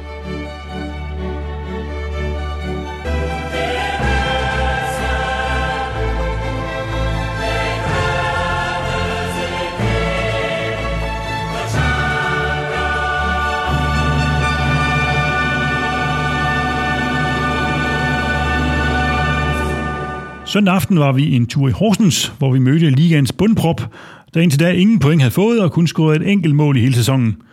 Det fordoblede de så i løbet af første halvleg, og efter kampen havde de også øh, fået point på kontoen, da kampen endte uafgjort, efter at vi ellers havde været foran 2-0 efter en halv time. Altså, du var jo lidt ramt der torsdag morgen, Peter, da, da vi snakkede sammen, men, øh, men frygtede du også, at der ville være sådan lidt tømmermandsbold oven på, på slag kampen? Nej, det gjorde jeg faktisk ikke. Altså, jeg havde egentlig forventning om, at der ville komme et, øh, et Midtjylland, der var, øh, Midtjylland hold, der var klar til den kamp der. Det, så det, det, det frygtede jeg faktisk ikke. Mm. Og, og, og hvis vi kigger på, på den startopstilling, hvem der var klar, så var, så var der jo igen roteret en hel del, Nikolaj. Altså James, øh, Kugels, Krejf, Drejer, Brumado var, var nye i forhold til Slavia-kampen. Overraskede dig, at der, at der blev roteret så meget, øh, når, når nu op til den her landskampspause, som siger, der var egentlig ikke øh, så tæt kampprogram? Ja, det overrasker mig, at der blev roteret så meget i, i det defensive i hvert fald. Altså man kan sige offensiven, at, øh, at Drejer kommer ind, øh, fair nok, og at øh, ja, Pione og Krejev for en starter og, og Junior, øh, det er jo måske okay, men at der blev roteret så meget ned i det defensive, det overrasker mig. Jeg kunne så forstå efterfølgende, at øh, Joel har noget med togen, og Svitjenko trak vist også lidt på noget, og Øh, og man kan også se Scholz, der så måtte forlade banen, ikke med noget, noget, om det er noget overbelastning eller hvad det var, det, det ved jeg ikke så det kan jo sagtens være, at der er noget skade, der har spillet ind. Øh, og Frank øh, ved jeg faktisk heller ikke, om han øh, har fået et skrub. Øh, men ja, kigger man rent objektivt på det, så er det i hvert fald ikke på grund af kondition og fysik på den måde, at, at man burde rotere. Det skulle mere være nogen, der, der var på grænsen til noget, der kunne blive længerevarende. Og man kan sige, selvom vi laver de her mange rotationer, Lars, så, så kommer vi vel meget godt i gang med kampen. Ja, vi sidder i hvert fald på, øh, vi sidder i hvert fald på spillet et eller andet sted. Men jeg har også, det kan godt være, at det er fordi, at resten af kampen præger billedet en lille bitte smule, men jeg synes også, det var halsløset. Jeg synes, det var en lille smule uengageret. Jeg synes, ja, vi spiller den rundt, og vi, vi prøver at lave nogle, nogle, nogle kække ting, men, men jeg synes ikke, vi får det gjort færdigt. Jeg synes ikke, vi bliver for alvor farlige, og jeg synes, at det der med at stå som en mur nede bagved, øh, de problemer, vi havde omkring det sidste år, det synes jeg et eller andet sted, vi fik, øh, vi fik gentaget der. Ja, nu siger du, det var lidt for kægt. En, der var lidt kæk, øh, det var din plejesøn, øh, Peter Krog, der var, han synes på et tidspunkt, at jeg skulle spille sådan en bold på tværs ned i forsvaret, i stedet for bare at sparke den væk. Altså, var det sådan lidt præget af, sådan lidt, man tog lidt for let på det, eller hvad? Jamen både over, fordi jeg synes du også, at i perioder, der var øh, tendens til noget powerplay, hvor det er ligesom om, at Horsens nærmest slet ikke kunne komme ud af eget felt. Så, så der var både gode og dårlige ting, og jeg, og jeg er egentlig fuldstændig på bølgelængde med dig, hvis vi skal snakke i vandre. Jeg synes, at, øh, at det var skidt. Jeg synes, det var virkelig skidt. Altså, han varmer bolden for meget, det går alt for langsomt, og det bliver samtidig lidt for smart at skal spille rundt om hans støtteben og alle de der ting. Altså, samtidig der mangler han bare at slippe den hurtigt, og så lad os komme videre, ikke? Vi ender så med, efter 20 minutter faktisk, at komme på, på 1-0 øh, i, på en situation, som, som egentlig minder meget om, om den scoring, der laves i Young Boys-kampen, hvor Pione han får lavet en, en, en bold i dybden, som så drejer det fanger her. Øh, og, og, og det var altså sådan set et, et perlemål. Det var et perlemål, og øh, jeg lige vil sige, det er jo øh, Piones overblik, der gør, at, det der, man kan sige, at når han får bolden i de positioner, så skal man åbenbart løbe mod mål. Så skal han nok uh, time resten. Det var et fantastisk mål, og det er godt sparket ind og drejer. Ja, for jeg tænker egentlig, på det tidspunkt, så er jeg egentlig faktisk, jeg tænkte, at det sidste var en lille smule øh, usynlig. Han ikke ligesom har kommet ind i kampen. Men så kommer jo lige her glemt, hvor han viser den her ekstraordinære klasse, han har. For han laver den her frispilling til drejer. Han laver en lidt senere, hvor han vipper ind til Brumado. En, en, der burde være en assist, ikke? Som, som, som, som hvor Brumado kan hætte på den. Jo, man ser jo, at, at, at i den kamp, og, og det ved man jo også, at en Horsens øh, dyd, måske knap så meget, som det har været, men, men stadigvæk er spil på fysik. Og der var det som om, at Pione han blev lukket lidt ned op på den sidste tredjedel i hvert fald. Øh, som om, at de havde, de havde meget fokus på ham. Øh, så der, hvor han for alvor blev farlig i den her kamp, det var jo så netop, hvor han faldt lidt ned og faldt lidt ind mod midten, og så kunne lægge nogle af de her øh, skærende afleveringer, dybde afleveringer, til nogle andre spillere, der kom i løb fra modsatte side. Øh, så, så det viser jo også bare kvalitet for Pione, at han ligesom ser, okay, det lykkes ikke lige heroppe i hjørnet, jamen, så må jeg gøre noget andet. Øh, og det var jo så lige ved at give mål to gange. Ikke? Og det, det viser jo også noget, selvom han var, han var relativt usynlig i, i kampen i sin helhed. Ja, man kan sige, der går så, øh, altså vi får skabt nogle chancer der, og faktisk 10 minutter efter 1-0-mål, så, så, øh, så drejer jeg igen på spil, da han øh, løber en lang bold op øh, bag om forsvaret, hvor, hvor Horsens står og sover lidt, og så spiller han Bernardo fri, som så jeg ved ikke, sådan lidt ukarakteristisk måske, virkelig, men scorer meget køligt. Altså går tæt på målmanden og bare lægger en stille og rolig ind, hvor man tænker, det var da egentlig meget cool af en, der egentlig bliver beskyldt for, for at mangle scoringerne. Og det, og det er jo vigtigt at få, at få ham i gang, Lars. Ja, nu er jeg jo, jeg stiller jo gerne op som formand for, for Bromado Fanklubben. Altså, jeg, jeg synes, det har, det er lidt tungt med at få ham i gang. Jeg synes, vi har sagt det et stykke tid et eller andet sted, men jeg synes faktisk, vi kan begynde at se lidt ved ham. Jeg kigget lidt på nogle stats, og det er ikke fordi, der er så meget stats fra i år stadigvæk, men, men, men sidste år, noget af det, man har været efter ham omkring, det var det med, at han ikke kunne ramme kassen. Altså han rammer 23 procent øh, af, af skuddene på, på kassen, og det er faktisk steget til 53 procent i den her sæson. Øh, og jeg synes, man kan se det. Jeg synes faktisk også, øh, han brænder en ret stor chance, den som, som sidst du lægger op til ham, som selvfølgelig skal være der et eller andet sted. Og så går der ikke mange minutter, så laver han det der, som du siger, jamen det er ukarakteristisk køligt for ham et eller andet sted. Så det er som om, at selvtilliden den er ved at snige sig ind på ham et eller andet sted. Og, altså, jeg håber jo hver eneste kamp, det er jo det, jeg håber allermest på, det er at se, nu, nu kommer han i gang, nu kommer han i gang. Og jeg begynder at, at tro på det efterhånden. Så kan man sige, hvad det havde det været sidste år, øh, der var han jo aldrig, altså, ja, nu brænder han chancen, men sidste år havde han jo ikke været der. Altså, noget af det, vi har været efter ham tidligere også, det var, at han var alle andre steder end inde i feltet. Øh, og det er som om, at han er begyndt også at søge, søge, søge mere i nogle farlige situationer og, og komme de rigtige løb og, og placere sig. Og det er positivt. Og jeg har været til et par træninger på det sidste, hvor der også har været afslutningstræning, og der har han virkelig set skarp ud, altså seriøst skarp. Så jeg tænker også, at han er på rette vej. Jeg vil også sige, fordi altså, på et tidspunkt i anden halvleg, hvor han, altså det er måske ikke den bedste scoringsposition, men altså de der hook, han får sendt afsted mod mål, ikke? Altså, det er jo ikke fordi, han mangler sparketeknik, altså det er jo, han, han tæver dem jo igennem, altså han har et skud direkte på målmanden i anden halvleg. Altså, der er klemt på, ikke? Altså, det er jo lige før målmanden ryger med ind, ikke? Altså, ja. Og en, der også udmærker sig her og, og, og virkelig har gang i en øjeblik, det er Anders Dreyer, øh, som både havde mål og assist her i, i den sekvens, øh, men også mod Slave jo havde nogle afgørende fod og lavede et fantastisk indhop der. Så, så han er jo altså virkelig en af dem, der, der piker i øjeblikket, Peter, er afgørende for os. Han er, har været fremragende køb for os generelt, altså både i slutningen af sidste sæson og i starten af den her sæson har han været outstanding. Altså han har været decideret fremragende, og med en lille smule held i sprøjten, og hvis Pione havde været lidt skarpere, havde han jo haft to assist i Horsens. Ja, for vi brænder en, En kæmpe chance, kæmpe chance Pione, han, ja. hvor, hvor, det er, hvor det er helt utroligt, at han ikke får, får, får ramt målet i det mindste. Altså nogenlunde samme position, som han scorer mod, øh, er det mod Lyngby, han scorer mod. Øh, jeg, for, jeg forstår ikke, han ikke øh, rammer målet der. Og, og nu kan man sige, i både kampen med Randers og Lyngby, der har vi siddet og sukket efter at få det der, den der 2-0-scoring, der ligesom lukkede kampen og få ro på. Øh, Så jeg tænkte faktisk på det tidspunkt, der er gået en halv time af kampen, jeg tænkte, okay, game over, fedt. Øh, En halv time ud, hårdt arbejde, en halv time, og så nu, nu triller vi den hjem stille og roligt. Horsens, de kommer aldrig til at score mål. Øh, Tænkte du også sådan på det tidspunkt, Nikolaj? Jamen det gjorde jeg. Jeg tænkte, det her det kan godt blive rigtig sjovt. Og så var det som om, at der, der kom for meget ro på den. Øh, og, og man ser det jo også, da, der, ja, og det er også meget symptomatisk, at det er Pol, der laver to mål mod os. Ikke? Men den her med, hvor han kommer igennem til hovedstødet, det første af målene, altså man hører jo øh, nærmest en halv time inden indlægget bliver slået, at øh, Jev, han kalder på Paulinho, at han skal være opmærksom på Pol, der kommer i ryggen på ham. Og det er ikke fordi, at han sådan, øh, var den mest opmærksomme spiller, da han så rent faktisk kom. Øh, Paulinho. Han stod sådan lidt og snorkede i, i situationen. Han kunne i hvert fald godt have gjort det mindre øh, nemt for Pol lige at snitte den i, i kassen. Det var som om, at, at ja, pusen gik lidt i ballonen, og, og spillerne måske tænkte, at Nå ja, nu er den hjemme. Vi er foran 2-0 mod det her hold, der øh, ikke har lignet et hold i Superligaen endnu i år. Men øh, det kan de jo så lige pludselig, når de får rummet. Ja, for man kan sige, at der går jo igen de der par minutter, som du siger, så, så ser det altså helt skidt ud. Altså, vi har en Anders Dreyer, der, der er ikke ligesom for, han har mulighed for at clear bolden, men den skal ligesom have en ekstra berøring, i stedet for bare at jern den væk. Så taber Kuhlsen duel, og så rører han ud, og så får vi den her indlæg, som, som, som, øh, øh, som Poul scorer på. Altså, der mangler vi vel noget, et eller andet sådan, øh, konsekvent forsvarsspil, den sekvens, Lars. Det er jo lige præcis i den der situation, der forærer vi jo Horsens alt. Altså det er jo den måde, Horsens de i fem år, ti år har lavet mål på. Det er det der med, med kaos i feltet, og, og, og vi kommer ud af positionerne et eller andet sted. Men så er der jo også to nøgledueller der. Ikke? Det er jo, altså, nu kunne vi jo selv se øh, Drejers trøje. Han er jo ikke hverken den højeste eller den bredeste et eller andet sted. Han kommer jo til at blive den alvorligt lille i den der situation, og så har vi lige pludselig overhovedet ikke nogen ude i højre siden. Og så Paulinius mål, det, det, det giver grimme minder om den der AGF-kamp helt op til jul, ikke? hvor han også kommer helt forkert op i en, i en hovedstødsduel. Men igen må vi jo også bare sige, at det er ham, der skal tage den duel. Det, det er jeg ikke nødvendigvis sikker på, at det skal være. Men, men tror du, Peter, det er sådan noget med det der med, at vi, at vi stempler lidt ud der, foran 2-0, og så, øh, så går man lige 5 sekunder, eller 5, tak, 5% ned, og begynder, at, okay, vi tager lige et touch mere på bolden, i stedet for bare at spille konsekvent. Jamen, det er ikke så meget tvivl om, at det er det, der sker. Og det er næsten det værste, der kan ske, fordi det er så utroligt svært at skrue op igen, når man først har, har lige taget de der 5% eller 10% af toppen. Og øh, det er ligesom om, at vi får svært ved det. Der bliver prøvet forskellige ting fra bænken, men, men det er ligesom om, vi når ikke op, hvor vi, hvor vi var i perioder af første halvleg, inden de udligner. Og Horsens får tro på sig selv, hvilket de jo ikke har haft Ja, ja, det i den de her også. sæson endnu jo. Altså.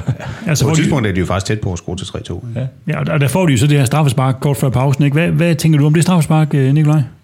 Altså, da den blev dømt, så tænker jeg, ej, den, den må bare tage den der, for det var godt nok... Altså, de er begge to op i luften, og, og bolden er jo ikke engang i nærheden af dem. Altså, den, den flyver jo længe hen over dem. Og så, der, bliver- så bliver den dømt, og øh, var øh, gør ingenting, og så alligevel, så ligger den ind i kasten, og så er Pol dobbelt målscorer, Så sidder man der og tænker bare, hvad skete der der? Øh, som den kamp, den udvikler sig. Men når man så kigger på det i- igen, eller tænker på det i retroperspekt, ikke, så altså, Kuhl skal aldrig nogensinde gøre, give dommeren en mulighed for at dømme noget i den der situation. Han var i forvejen ikke den heldigste i kampen, Kuhls. Øh, så, og det der, det hjalp ikke. Og man så synes, at det var et utroligt tyndt straffespark, men mod Horsens skal det ikke engang, det, det skal ikke engang nå dertil. Altså, Jeg synes i hvert fald, jeg har ikke kunne se nogen billeder, hvor jeg kan se den på. Altså, øh, så, så, og det er måske også det, man har manglet i varerummet, noget, der kunne afklare, altså var der, eller var den der ikke, og så bliver dommerens kendelse på banen selvfølgelig stående. Men, men jeg, jeg har enormt svært ved at se, hvad fanden der foregår der. Og det er der, hvor, øh, som jeg også lige fik nævnt tidligere, vi jo til det her VAR-intro-arrangement, hvor at havde den været omstødt, jamen så skulle VAR vise de billeder, som de havde omstødt den ud fra. Der kan man måske godt savne lidt, at, at, at det er altså et straffespark, de vælger at give. Jamen, kunne de så ikke godt vise det billede, som de har set? Fordi vi sidder der og kigger på tv-billederne, og har ikke en kinemands chance for at kunne bedømme noget som helst ud for dem. Og så sidder man jo netop og tænker, jamen har VAR rent faktisk en vinkel, de kan vurdere det her ud fra, eller har de ikke? Ud fra, øh, at der skal være minimum syv øh, kameraer på stadion, og der er nogle målkameraer og ting og sager, sidder jeg jo og tænker, og ud fra at vi har set nogle af de her skærme, de har, jamen så må de have haft en eller anden vinkel, hvor de har, har kunne vurdere det på. Men at øh, tv-produktionen så ikke vælger at vise dem, det, det virker lidt, øh, lidt ærgerligt om ikke andet. Men man kan sige, det er jo, øh, det er jo halvleg det her, ikke? Kort for halvleg, så, så der er jo lang tid til at rette op på det. Øh, 2-2, det, vi har en halvleg stadigvæk til at gøre noget ved det. Og da vi kom i gang med, med anden leg, så synes jeg, at mønstret fra første leg, det gentager sig, hvor vi sætter godt pres på dem, og, og de får ligesom står kompakt dernede, men vi skaber ikke rigtig nogen chancer. Hvorfor gør vi ikke det, Peter? Ja, det er sgu et godt spørgsmål. Altså, på en eller anden måde, så må de jo være blevet sat godt op, de der Horsens strenge der, og vi bringer os ikke i nogle positioner, som vi får ikke skabt nogle store chancer. Øhm, og, og hvad præcis det er, der gør det, øh, det, det, det måske skulle jeg spørge dig. Jamen, hvis man kigger på det, så kan man sige, at de to scoringer, vi får i første leg, de sker jo faktisk ikke i etableret angrebsspil. De sker, sker begge to på, på omstillinger. Og, og, og, det er vel lidt sådan problematisk, når man tænker, at vi, vi, vi ofte vil møde hold, der står dybt, og vi snakker så om det foråret. En af vores udfordringer var at få åbent de her forsvar, der står dybt og kompakt. Øh, og når vi så selv på, altså med Horsens, skruer på omstillinger i stedet for etableret spil, så er det ikke et problem, øh, Nikolaj? Jo, det er det. Det er det, fordi vi kommer til, at, som du også selv siger, Ken, det står i den situation mange gange øh, i løbet af sæsonen. Øh, og om der er noget, jeg, jeg, jeg synes, James gør det rigtig godt, men han har bare et eller andet i forhold til positionering på, på banen, og, og kommer tit lidt, lidt ud af position, og så skal der kompenseres, og så står Paulinho pludselig alene med Bol, eller der, der er en anden, der lige pludselig ser lidt skævvreden ud. Og, og det fanger os i de der øh, omstillinger, hvor der ikke lige er to bølgebryder foran til at, at kompensere for et par spillere ude af position. Øh, og så synes jeg også, altså det er så måske noget af det positive for den her kamp, øh, vores, vores udlejede gut øh, Tænkstedt, han formår altså også at få, øh, få gjort noget ud af de situationer, når de får dem. Han spiller en god kamp. Han spiller en rigtig ja, god kamp. Øh, lidt fysisk under, øh, overmatchet i nogle situationer, men hans indlæg ligger skarpt, og han, han ser spillet godt. Så om ikke andet, så kan man da glæde sig lidt over, at øh, han, er, han er på, på kontrakt i Midtjylland. Men det var jo også tydeligt der netop, fordi Tænkstedt lå jo opereret i rummet omkring øh, Cools og, og James. Altså, at, at det havde de helt klart udset sig Horsten som et, et svagt punkt. Og det kan man jo ikke fortænke dem til for det fortænke dem i, og det vil de næste modstandere jo også gøre, så, så det vil, altså det gælder om at få lappet det hul på en eller anden måde, Lars. Det, det har vi jo gjort. Vi har jo købt en, øh, en, en ny centerforsvar, ikke? Men det har du jo selvfølgelig ret i. Altså, jeg tror, altså, en del af problemstillingen, det ved jeg, det har I også øh, diskuteret tidligere, det er jo det her med at sige, jamen det er jo hele vores højre side på den måde, som bliver en lille smule udfordret, ikke? hvor man kan sige, at venstre er Øh, den er mere etableret et eller andet sted. Øh, og så kan man sige, hvad skal man gøre? Skal man sætte en ny mand ind? Skal man lade dem blive ved med at, at spille? Hvad skal man gøre et eller andet sted? Altså, jeg har det jo sådan, at at, at som vi så øh, kampen, så altså vi har 11 spillere, som er bedre end Horsens 11 spillere. Så kan vi sætte flere nye spillere ind, de er stadig bedre end Horsens spillere, men det er jo ikke nødvendigvis der udfordringen ligger et eller andet sted. Det ligger enten i, enten i noget mentalt, eller så ligger det i nogle øh, relationer, som ikke er på plads dernede. Øhm. Og måske et lille snært af træthed til sidste kamp, ikke? Ja. Ja, det var ikke som om, at vi skifter jo en del ud, ikke? Altså vi får øh, Ever og Michael Andersen og Kabar ind, men, men det skaber ikke noget sådan øh, afgørende overtag eller tryk, som gør, at man, det er ikke sådan, at vi sidste kvarter sidder og spiller powerplay og skaber chancer på chancer. Altså, det, Tværtimod, vil jeg sige. Altså, det er jo som om, at det, det går helt ud, efter, efter det sker, og så ryger Scholle ud med noget, noget, noget baglov, eller hvad det var, ja, hvor at, altså, så dør den der helt derfra. Uh, ja, vi får ikke rigtig etableret noget. Nej, hvis man kigger sådan helt nøgtern på det, så Scholz går ud, de der rates op af banen, som han er kendt for, de kommer ikke. Mm. Derudover så kan man sige, hvem skal ellers kreere noget for os? Det skal Pione sidste uge, det skal Evander, de er også taget ud. Altså det, det, så kommer der Michael Andersen ind, som næsten er usynlig. Ikke? Øh, så der er måske ikke så mange til at støbe de der kugler, selvom vi spiller med to øh, boksangriber der. Eller i hvert fald en boksangriber, og så Kappa. Men, men altså for mig så er det jo også et spørgsmål om, og det er måske faktisk en, det er en reel bekymring, og det har vi jo tit talt om, det der med, hvad sker der, når du trækker lederskikkelser som, øh, øh, som Erik, og, og i virkeligheden også Frank ud af det der. Altså, mm. vi står med et hold, som mangler styring for mig at se, og, og det, der sker jo, altså det bliver jo, det bliver jo to spejlede halvleg i virkeligheden, øh, at, at vi begge halvleg har et, et, et nogenlunde fint udtryk i den første del, og så falder vi sammen i, i den anden del. Det er ligesom, der mangler nogen til at tage temperaturen. Øh, der mangler nogen til ligesom at diktere det der spil. Og det, altså, jeg har det faktisk sådan, at da, da, da Scholz går ud, der er jeg lige ved at tænke, nu, nu, nu ramler det jo helt ikke. Altså nu, nu handler det om at ræbe sejlen i stedet for. Det er jo ikke fordi, at øh, uh, Jeff Sari, han gjorde det specielt dårligt, men, men den nervositet, der ligesom uh, blev kastet ind i kampen, der, den, den, var, den var stærkt bekymrende, synes jeg. Altså man kan jo sige, nu snakker vi transfer før, den der øh, centrale midtbanespiller, vi, vi ikke fik, der skulle styre øh, Superligaen, det har vi mangler her. Ham, der kan tage temperaturen på, på kampen, ligesom at finde ud af, at nu holder vi på den, eller nu giver vi den gas, eller hvad er det, vi mangler her? Det har vi mangler. Ja, fordi Kajust er der jo ikke. Altså, det skulle have været Hillimark, kan man sige. Ja, lige nok.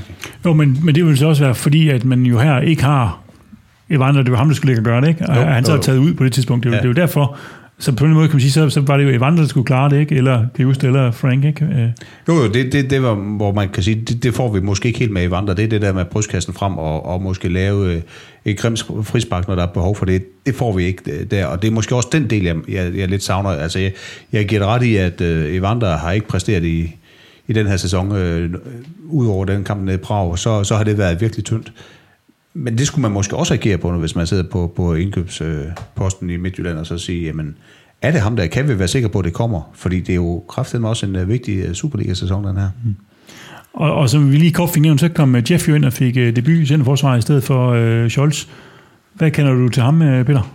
Jamen, jeg, jeg har jo så set ham lidt til de her træninger, jeg har været til. Det er jo en, en spiller, som ikke er så fysisk stor, som, som de, nogle af vores andre midterforsvar. Til gengæld er han nok... Øh, ikke, måske ikke helt på niveau med, med Scholz på bolden, men han er god på bolden, og så er han voldsomt hurtigt. Altså rigtig, rigtig hurtig. Jeg ved ikke, fik vi ikke også lige set i et par sektioner øh, nede i, i Horsens, hvor hurtig han egentlig er. Han kan løbe stærkt ham der. Så det er en, der bliver spændende at, at følge, men jo, som jo er kommet lidt længere bag i køen nu, kan man sige. Jo, det er han, det er han, men jeg tænker også, at det ikke er sidste gang, vi har set ham i Superligaen i den her sæson, og, og øh, jeg synes, han ser ekstremt spændende ud. Det, det må jeg sige. Og så har han jo også øh, allerede før han får debut for os været udtaget til U21-landsholdet. Så altså, der, er jo, der er jo flere, der, der kan se perspektiv i ham. Ja, ja, det er der. Og så er det jo spændende at se, når så øh, den her enårskontrakt, som vi talte om tidligere med, med Høgh, den øh, udløber, og øh, Nikolajsen måske vender retur fra det engelske, øh, om det så bliver ham, der går ind, og, og, og Sari så ligesom øh, bliver, bliver anden kanonen der. Men der er jo sådan en Tobias Anker, ikke, som også, øh, som udlejer, ikke? også Så- banker så, på. Så vi har masser af de her midterforsvar, øh, som ja. øh, vi skal finde ud af, hvad, hvad, hvem skal hvad, kan man sige. Ikke? Mm. Men det er jo altså hverken øh, værre eller bedre, end at vi smider, med, at vi smider den her 2-0-føring, og kun kommer afsted med et point, Lars, mod bundproppen. Øh, altså, det, det, det burde vel aldrig kunne ske. Nej, det burde det jo ikke. Nej, det, det gjorde det. det. Det er, jo, det er jo ikke i den forstand godt nok, specielt ikke som, øh, som vi lige var inde på det her med at sige, men det, altså Superligaen er ikke ligegyldig. Superligaen, pointmæssigt er Superligaen vigtigere end, end Champions League, altså, så det, det, det må jo selvfølgelig ikke ske det her. Det sker ind imellem, kan man sige, men, men vi skal ikke have for mange af de her. Nej, man kan sige, at det her ene point, Nikolaj, det betyder, at vi står med syv point efter fire kampe, og jo faktisk efter sådan et relativt overkommeligt startprogram. Altså det er jo ikke, fordi vi har mødt, øh, vi har ikke mødt en, en, et eneste hold fra top 6 fra sidste sæson endnu. Øhm, altså, er, er det godt nok at, øh, at stå med de her øh, syv point? Ja, altså syv point, det er måske sådan lidt lunken, men særligt der, hvor jeg nok er mest skuffet, det er, hvis man kigger på sådan noget som øh, expected points tabeller og sådan noget, fordi øh, de sejre, vi så har fået, det har været sådan nogle øh, hiv og sving 1-0 sejre, uh, og vi startede ud med at blive ja, rundbarberet sønderjyske, uh, jeg vil sige det som det er, ikke? Altså, vi, hvor det ikke var særlig godt. Uh, og så de her to uh, 1-0 sejre, der, ja, det var det var så sikkert som en 1-0 sejr nu kan blive. Øh, Randers føler nok, at det i hvert fald skulle have haft noget med. Øh, og, så, og så den her kamp, hvor vi spiller godt i, øh, i, i, i, et, i et kvarter, øh, det første kvarter i hver halvleg, og så er det ellers det. Så det er jo heller ikke, fordi de, sådan, de underliggende ting er, er super positive. Så det er nok det, jeg er mest øh, bekymret for. Særligt når vi nu går ind i en periode, hvor vi skal spille, spille rigtig mange kampe, og hvor der er endnu mere øh, kontrast mellem midtugekampen og, og, og weekendkampen. Og som du siger, Kent, ikke fordi vi har spillet mod Brøndby, FCK og, og AGF de første kampe her. Nej, for jeg prøvede at lave en sammenligning og kiggede på øh, vores øh, XG i henholdsvis Champions League-kvalifikationen og i Superligaen. Begge steder vi spillet fire kampe. Øh, og hvis man kigger på det, så vores offensive output er, er cirka det samme, det hedder 1,4 i Champions League og 1,7 i, øh, i, øh, i Superligaen. Men defensivt, så går vi fra at have 0,7 øh, XG imod i, i Champions League til at have 1,2 imod i Superligaen, altså hvor vi møder markant dårligere modstandere, og alligevel så skaber de øh, næsten dobbelt så meget, øh, øh, så, så, så mange chancer mod os. Så, så har, har reserverne vist, at de kan stå distancen i Superligaen, Peter, for det er jo lagt op til, at vi kommer til at rotere en del her. Ja, det synes jeg, du allerede har svar på, at det har de ikke.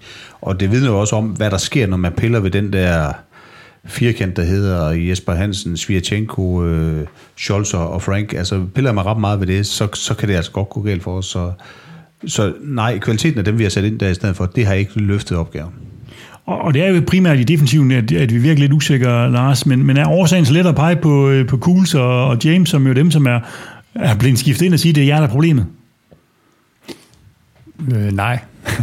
jeg, jeg, jeg, jeg synes pointen er, altså, den er rigtig meget godt op af, af Peter Kro her. Altså, det, at vi, vi, vi har en eller anden, øh, hvad er det, de kalder det i Spanien, dependier, øh, i forhold til nogle, nogle enkelte spillere, som til sydlandet trækker et ret hårdt læs øh, i forhold til styring og det mentale i kampen, og den kan vi ikke, øh, dem kan vi ikke pille ud, som, som det er i dag. Altså, jeg tænker også en mand som, øh, som, som Kajust, som også skulle have øh, hjulpet lidt som, som det defensive anker, han... Øh, han kommer jo til at flagre lidt, kan man sige, og bliver, bliver for lidt overspillet i kampen, og det er jo også udtryk for, at han, han, han, han har brug for en marker ved siden af, og han har brug for nogen bagved til at, til at skabe den der ro, som vi, vi har behov for, be, undskyld, behov for selv mod, øh, mod svære modstandere som Horsens. Han er helt klart en anden spiller, når det er Frank, han har ved siden af sig, i stedet for Evander, ikke? Men vi ligger jo og kigger ind i et vanvittigt tæt kampprogram resten af efteråret, Nikolaj. Altså det er jo øh, dobbeltkampe, eller midtugekampe fra nu af og til øh, midt i december. Øh, så vi bliver jo afhængige af at kunne rotere. Øh, og vi ved godt, der, der er et internationalt hold, der, der ofte brokker sig over for mange kampe og skader og bla bla bla. Altså risikerer vi på en eller anden måde at, at lave sådan en FCK på den og, og sige, at vi, vi, vi kan ikke stå distancen i to turneringer?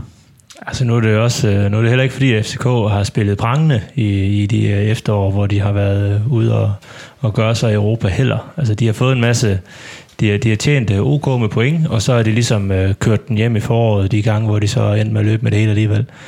Og, og hvis vi kan komme ud af efteråret her med den første Champions League kvalifikation øh, i klubbens historie, og, og alt det nu, alt det vi det kommer til at skabe, og så være hederligt med i toppen, når vi rammer, når vi rammer nytår, så vil det være godkendt for mig af, men, men vi skal ikke fortsætte for meget i den her klinge, så, øh, så er vi sgu for langt efter til nytår. Altså, jeg, jeg tænker lidt, at vi har fået foræret øh, en, en regelændring med fem indskiftninger her i coronatiden, og det synes jeg, vi angriber til synligheden lidt for konservativt. Altså, det bør give os den mulighed at sige, at vi kan faktisk næsten hver eneste gang starte med de 11 bedste, og så kan vi rotere på de fem udskiftninger, vi har. Øh, det her med at trække Frank og Erik helt ud af en trup, det, det, det håber jeg, altså vi har lært noget af, at det, nummer, det skal man ikke lave igen, fordi øh, vi, vi bør et eller andet sted kunne sige, jamen altså fem udskiftninger, det giver jo potentielt helt op, øh, helt op til fem gange en halv times øh, øh rest mod sådan et hold for Horsens, øh, hvis vi havde været foran 2-3-0 på den måde. Jamen, jeg havde bare en point, jeg har fundet øh, min, min fodboldapp frem her. De næste 11 kampe, vi spiller, der kommer det ikke til at minde ret meget om Horsens og Lyngby. Der hedder det OB, Atalanta, Brøndby, Liverpool, Nordsjælland, Ajax, FCK, AGF, Ajax, OB, Atalanta. Og så får vi Vejle. Og er det en walkover? altså, det, det er jo ikke fordi, at, øh, at der, der, der bliver mange bløde kampe fra nu af. Så, så man skal have fundet en forbillede, der også virker i Superligaen. For den der Superliga, den er vigtig. Ja, og vi er allerede på nuværende tidspunkt kan sige, fem point efter Brøndby, som, øh, som har fået noget øh, fuld plade. Ikke? Er, er det bekymrende? Fordi øh, altså, hvor, hvor meget kan man sætte til øh, inden man skal begynde at blive bekymret? Ja, men det, der bekymrer mig lidt, er kvaliteten af de modstandere, vi har haft, og så vores point høst ud af det. Fordi jeg tror ikke, Brøndby de får så det. Jeg tror stadigvæk, at FCK er vores største konkurrent til det, øh, det mesterskab, der, der skal kæmpe, kæmpes om i år. Så, så det, der bekymrer mig lidt, er pointhøsten mod de her relativt bløde øh, nedrykningskandidater, vi har haft. Og har Janne også på samme måde, altså, at der er en bekymring i forhold til det nuværende? Ja, altså igen syv point i, i, i fire kampe i, i den periode, vi har været i, har sådan alt andet lige jo okay, men det, der så netop øh, gør, at det bliver lidt negativt, det er, at det er modstandere, som vi langt hen ad vejen skulle, øh, skulle kunne slå. Øh, I hvert fald, hvis vi aspirerer om at tage mesterskabet igen. så skal vi slå dem. Øh, det var det, som FCK havde problem med sidste sæson, hvor at, øh, de smed rigtig mange point mod de her, øh, ja, de lidt lavere hold i rækken. Øh, og, og det skal vi helst ikke begynde med. Nej, for vi skal vel lande på et eller andet pointsnit omkring to, øh, når efteråret det er slut i Superligaen, øh, Lars? Ja. Ja, alt er jo relativt, kan man sige, fordi vi, altså spørgsmålet er, om vi skal komme igennem det med en acceptabel afstand til, hvem der nu måtte føre på det tidspunkt, og to er måske nok ikke øh, fuldstændig skudt ved siden af, men det er klart, at hvis Brøndby, de brænder en halv sæson af, hvor de er øh, 6, 8, 10 point foran os, så, så er det jo ikke nok. De holder ikke med Brøndby, det går nok. de, de holder ikke. Nej, men jeg vil også sige, jeg vil, jeg vil hellere, hellere have Brøndby til, til at, at komme hurtigt ud af starthulleren, end hvis det havde været øh, AGF og FCK. Det, Det er, er det er så en med dig. Finn, Finn Bogerson til synligheden tilbage i Horsens også, så, så det kan det er lidt déjà vu over den her sæson. Altså, der var, der var nogen, der, der græd simpelthen allerede ved, ved 2-1, og, og andre, der, der, der stod helt målløse. Øh, men, men der er det jo med at lige give et par lussinger og sige på, at der, der er stadigvæk 10 minutter at køre på. Det, det er ikke nu, man skal vise følelserne alt for meget. Så vi kommer til den faste del af programmet, hvor vi skal uddele ugens fyring til en, som ikke helt har leveret det, som vi forventede i den sidste periode, og som skal tage sig sammen fremadrettet. Så hvem er det, vi har sætter sur på? Hvem er det, vi skal have fyret i den her uge? Som altid har vi fået nogle input øh, ude fra de sociale medier. Vi starter med Christian Stroop, der siger, fyring til vandre, Så meget talent, så mange berøringer, så meget tempo, der forsvinder i vores spil. Så er der Markus Østergaard, der siger fyring til Dion Kuhls. Han er simpelthen for ringere og kostet endda et straffe med Horsen. Jol er bare klasser bedre end ham. Så er der Susan Jensen, der siger fyring Kabar, James, Evander, Duncan. Ja, det er mange, men det har også været ufattelig ringe fra deres side. Så har vi Michael Christensen, der siger stor fyring til ledelsen i FC Midtland. Både Tykosen og Mungsgaard er bedre baksen end Han burde få sig et job hos Huber Bubber, for han kan da kun tykke tyggegummi og se arrogant ud. Så er der Hans Christian Hansen, der siger fyring James. Fatter ikke, at man vælger at satse på ham frem for Nikolajsen, som jeg så meget mere lovende takter fra, og som jeg mener har langt større kvalitet end James. Så Nikolaj, selv øh, i en øh, periode her, hvor vi er kommet i Champions League, så øh, skorter det ikke på øh, fyringer. Hvad, hvem tænker du, der skal have øh, ugens fyring? Det er jo altid dejligt, at vi øh, kan efterleve den her med, at øh, den der ophører med at blive bedre, øh, ophører med at være god, øh, tankegangen, ikke? Og så vi kan altid finde nogen at fyre.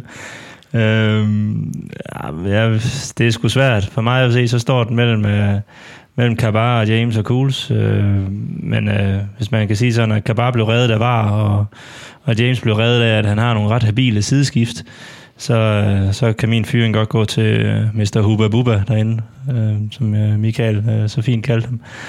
Øh, jeg, jeg er sgu lidt skuffet af, hvad han har vist. Også øh, nu har han fået nogle... Øh, han har haft relativt lang tid til at spille sig på holdet øh, nu, eller ligesom komme ind i gængen. Og, og nu er det nu. Altså nu, nu har han fået de Superliga-starter. Og det er sgu ikke, det er sgu ikke gået fremad, synes jeg ikke. Øh, han laver et man kan diskutere straffesparke, men han skal ikke rode sig ud i den, og de indgreb, han har, synes jeg virker sådan lidt halvlunkende. Så jeg havde forventet mere af ham, så for mig, så går den til Kuls. Så Hubba Bubba Trollen får øh, fyringen fra øh, Nikolaj. Lars, hvem har du tænkt på, skal have ugens fyring? Jeg har tænkt på, at de alle sammen skal have en, øh, en kæmpe forlængelse. Jeg synes, at det er jo benhårdt, fordi at nu kommer de i den her rækkefølge, men hey, det, øh, vi er kvalificeret til, til Champions League, så jeg synes, ja. altså, det bliver en, nærmere en irettesættelse, end det bliver en, en fyring, det her. Øhm, men jeg er, lidt i, jeg er lidt i samme boldgade, må jeg sige. Altså, jeg tænker, at det, der også sker her, det er, at man sparer jo lidt op, kan man sige. Der er både for James' vedkommende og for, for Kuls' vedkommende, der, er, der har været et par lunkne kampe. Ikke? Øhm, jeg, jeg går med Kuls, og det er lige så meget, fordi vi jo i, i det scenarie, der lå foran os i, øh, i januar måned, da vi signede ham, der var det jo meningen, at han skulle erstatte øh, hvad hedder han, Jol her til, til sommer, ikke? så han skulle faktisk have stået der nu og være klar, og det tror jeg godt, vi kan blive enige om, at det, det er han ikke. Øh, så, så min øh, fyring, den går til Jol. Nej, undskyld, øh, til Kuls. Godt, der er dobbelt op på Huber Buber herovre, øh, Peter Krog. Øh, ja. hvad, hvad tænker du? Har du mere tyggegummi til os? Ja, jeg tænker i hvert fald, at som jeg hørte, da vi hentede Kuhl, så var det et valg mellem ham og så Alexander Bag, og der vil jeg nok sige, der fik vi valgt forkert. Så så langt vil jeg i hvert fald godt strække mig med Kuhl, så han har også skuffet mig. Jeg vil sige, at øh, i mit stille sind har jeg nok lagt en fyring øh, til plejesønnen i den her runde. Jeg synes, at... Øh, breaking. Ja. breaking. Jeg har, jeg har været skuffet, og jeg vil sige, at det der i Horsens, det var under al kritik. Er det okay? Ikke rigtigt, faktisk. så jeg, jeg er faktisk på i vandre. Hold da op. Ja. Jeg, jeg er helt uh, tabt for her. Jeg, det, altså, har du gjort ham afløs, eller hvad? Det, Ikke det, nu, men ikke- øh, det kommer snart. Altså, øh, altså mine, øh, mine valg gik også faktisk mellem de to, du har nævnt nu her, Evander og så Kugls, så jeg tænkte, det, det bliver nok nødt til at tage Kugls, fordi Evander får vi aldrig fyret, når, når, øh, Det er jo så tager når øh, Krog han er her. Men, men det bliver simpelthen nødt til at tage Evander, når Krog han er her, fordi øh, det, hvis, vi kan, hvis jeg kan få Krog med på en fyring på Evander, det er historie her. I, Ja, det er historisk. Så, fordi, fordi altså, det, som jeg også tænker i forhold til den, hvis jeg skal uddybe lidt, det er jo også det med, det er jo ham, altså pilen peger på ham, det er hans hold. Hvis han skal, han vil så gerne sælges til en høj hylde. Ja, men det handler også lidt om, at, når man har talentet, og man har potentialet, så har man også en forpligtelse til at udnytte det, og det gør han ikke i øjeblikket. Altså, han løfter ikke det, som, som han bør med det, vi har set fra ham, fordi da han kom i sin tid, var det jo også på et højere niveau, end det er nu, og han har trods alt haft tid til både at vende sig til klimaet og til dem, han spiller sammen med, så vi kunne godt forvente, at han var et andet sted nu, end det vi rent faktisk ser. Han skulle være stjernen nu, ikke? Jo. Det, var- det var ham, der skulle ja. sælge til en stor adresse Ja. øh, på Champions League-eventyret her, ikke? Altså, Ja. og, og det kan man bare... Man kan godt tvivle på det. Man kan, jeg kan i hvert fald godt tvivle på, om motivationen så er der i Superligaen til at lave det hårde, sø, sure slid. Jeg tror nok, han skal stå der mm. mod øh, Liverpool og mod, øh, mod de andre, ikke? Men, Jo. men vi har brug for det i Horsens også. Jeg er faktisk, nu siger du stjernen, jeg er faktisk rigtig, rigtig spændt på, hvordan han reagerer for alvor på det, at Sisto er kommet ind. Fordi han, alt var lagt an til, at Evander han skulle, være, han skulle være stjernen i det her cirkus. Nu kommer Sisto. Sisto er bare en større stjerne. Hvordan kommer Evander til at reagere på det? Jeg tænker, at det kan blive positivt øh, for ham i virkeligheden. Det kan selvfølgelig også blive negativt, og han, han kan smække med døren her til jul. Ikke? Men jeg, jeg tænker, at vi har nogle spændende, spændende uger foran os på den måde. Må jeg ikke lige tilføje der, når du siger det der, Lars, at der er mange, der har et billede af Evander, han er meget temperamentsfuld og meget mut og indesluttet. Altså, det, han er ikke ekstrovert, det kan vi godt blive enige om, men, men han er ikke mut, han er det, øh, øh, dedikeret, når han træner, og det er han også til kampe. Og jeg, jeg vil sige, de træninger, jeg har set, hvor ham og Piona har spillet sammen, så kan det blive rigtig, rigtig lækkert, hvis det er sådan, de får lov til at lege sammen. Men jeg tror ikke, han er der, hvor han smækker med nogen dør eller noget som helst. Det, det tror jeg er en fuldstændig fejllæsning af, hvem han er som person. Godt, men vi smækker med døren over for øh, Evander her, altså, øh, fordi det kunne lade sig gøre. Med, ja. med Peter Krog på Okay, holdet, okay. vil jeg godt lige konstatere, ja. at ugens fyring den går til Evander, og så bliver vi Ja, den bliver på et udbanemål. Det, øh, det havde vi ikke forventet. Ja, og så bliver vi glænde om at give ham en ordentlig opsang. Kolja, Kolja, nu skal du til at tage dig sammen. Efter fyringen skal vi som sædvanligt også have uddelt en forlængelse til en, som har præsteret rigtig godt, og som vi gerne vil se fortsætte i samme spor. Så hvem er det, der er vores yndling lige nu? Hvem er det, der begejstrer os? Og så her starter vi ude hos øh, lytterne, hvor der er Andreas Hansen, der siger forlængelse til Drejer. Den måde, han kommer ind på mod Slavia Prag og afgør kampen, er outstanding. Så er der Henrik Rasmussen, der siger, forlængelsen kan gå til mange, men den skal gå til den lidt oversete Joel Andersen, der leverer kvalitet, mandsmod og fightervilje fra start til slut i et af klubbens vigtigste opgør. Så er der Michael øh, Nyby, der siger, forlængelse til Jesper Hansen, redder os fra nederlag i dag, og til sidst synes manden viser, hvorfor han blev købt og bliver kun bedre og bedre. Og så har vi Thomas Benson, der siger forlængelse til Clive. Synes, han har gjort det super godt, siden han er kommet tilbage fra lejeaftalen. Og endelig har vi øh, FCM 2000, der siger forlæng Jens Kajuste. Han formår med hans ryg at drive midtbanen over. Så masser af forlængelser her også, øh, Peter Krog, men øh, ikke nogen til, til Evander. Er det, er det der, du placerer din så for ligesom at råde bud på fyring for sidst? Ja, ja, det kunne man godt vælge. Det gør jeg så ikke. Altså, jeg synes, der er jo god bud her på forlængelse. Jeg synes jo, at Øh Jens Lys er, har jo taget os alle sammen med storm. Omvendt så er der jo også udfald. Det er jo ikke sådan, at, at, at, at sol skinner det der ud af røven på ham. Men han gør mange gode ting, kan man sige. Øh, Jeg synes for mig, at det er en no-brainer. Der, der hedder det Anders Dreyer. Jeg synes, han har været forrygende fantastisk. Han har haft en enkelt kamp i Prag, hvor han virkede overmatchet, men ellers synes jeg, det har været ham, vi har offensivt har kunne hænge vores hat på i hver eneste kamp i den her sæson. Så øh, Anders Dreyer fik ja. øh, fra, fra Peter. Hvad siger du, Lars? Hvem skal have ugens forlængelse? Ja, jeg synes også, det er no-brainer. Altså, det er svært ved at se andre end, end drejer også, hvis vi skal have en, som ligesom udmærkes over to kampe. Det var ikke, fordi der var specielt mange af de andre, der gjorde det.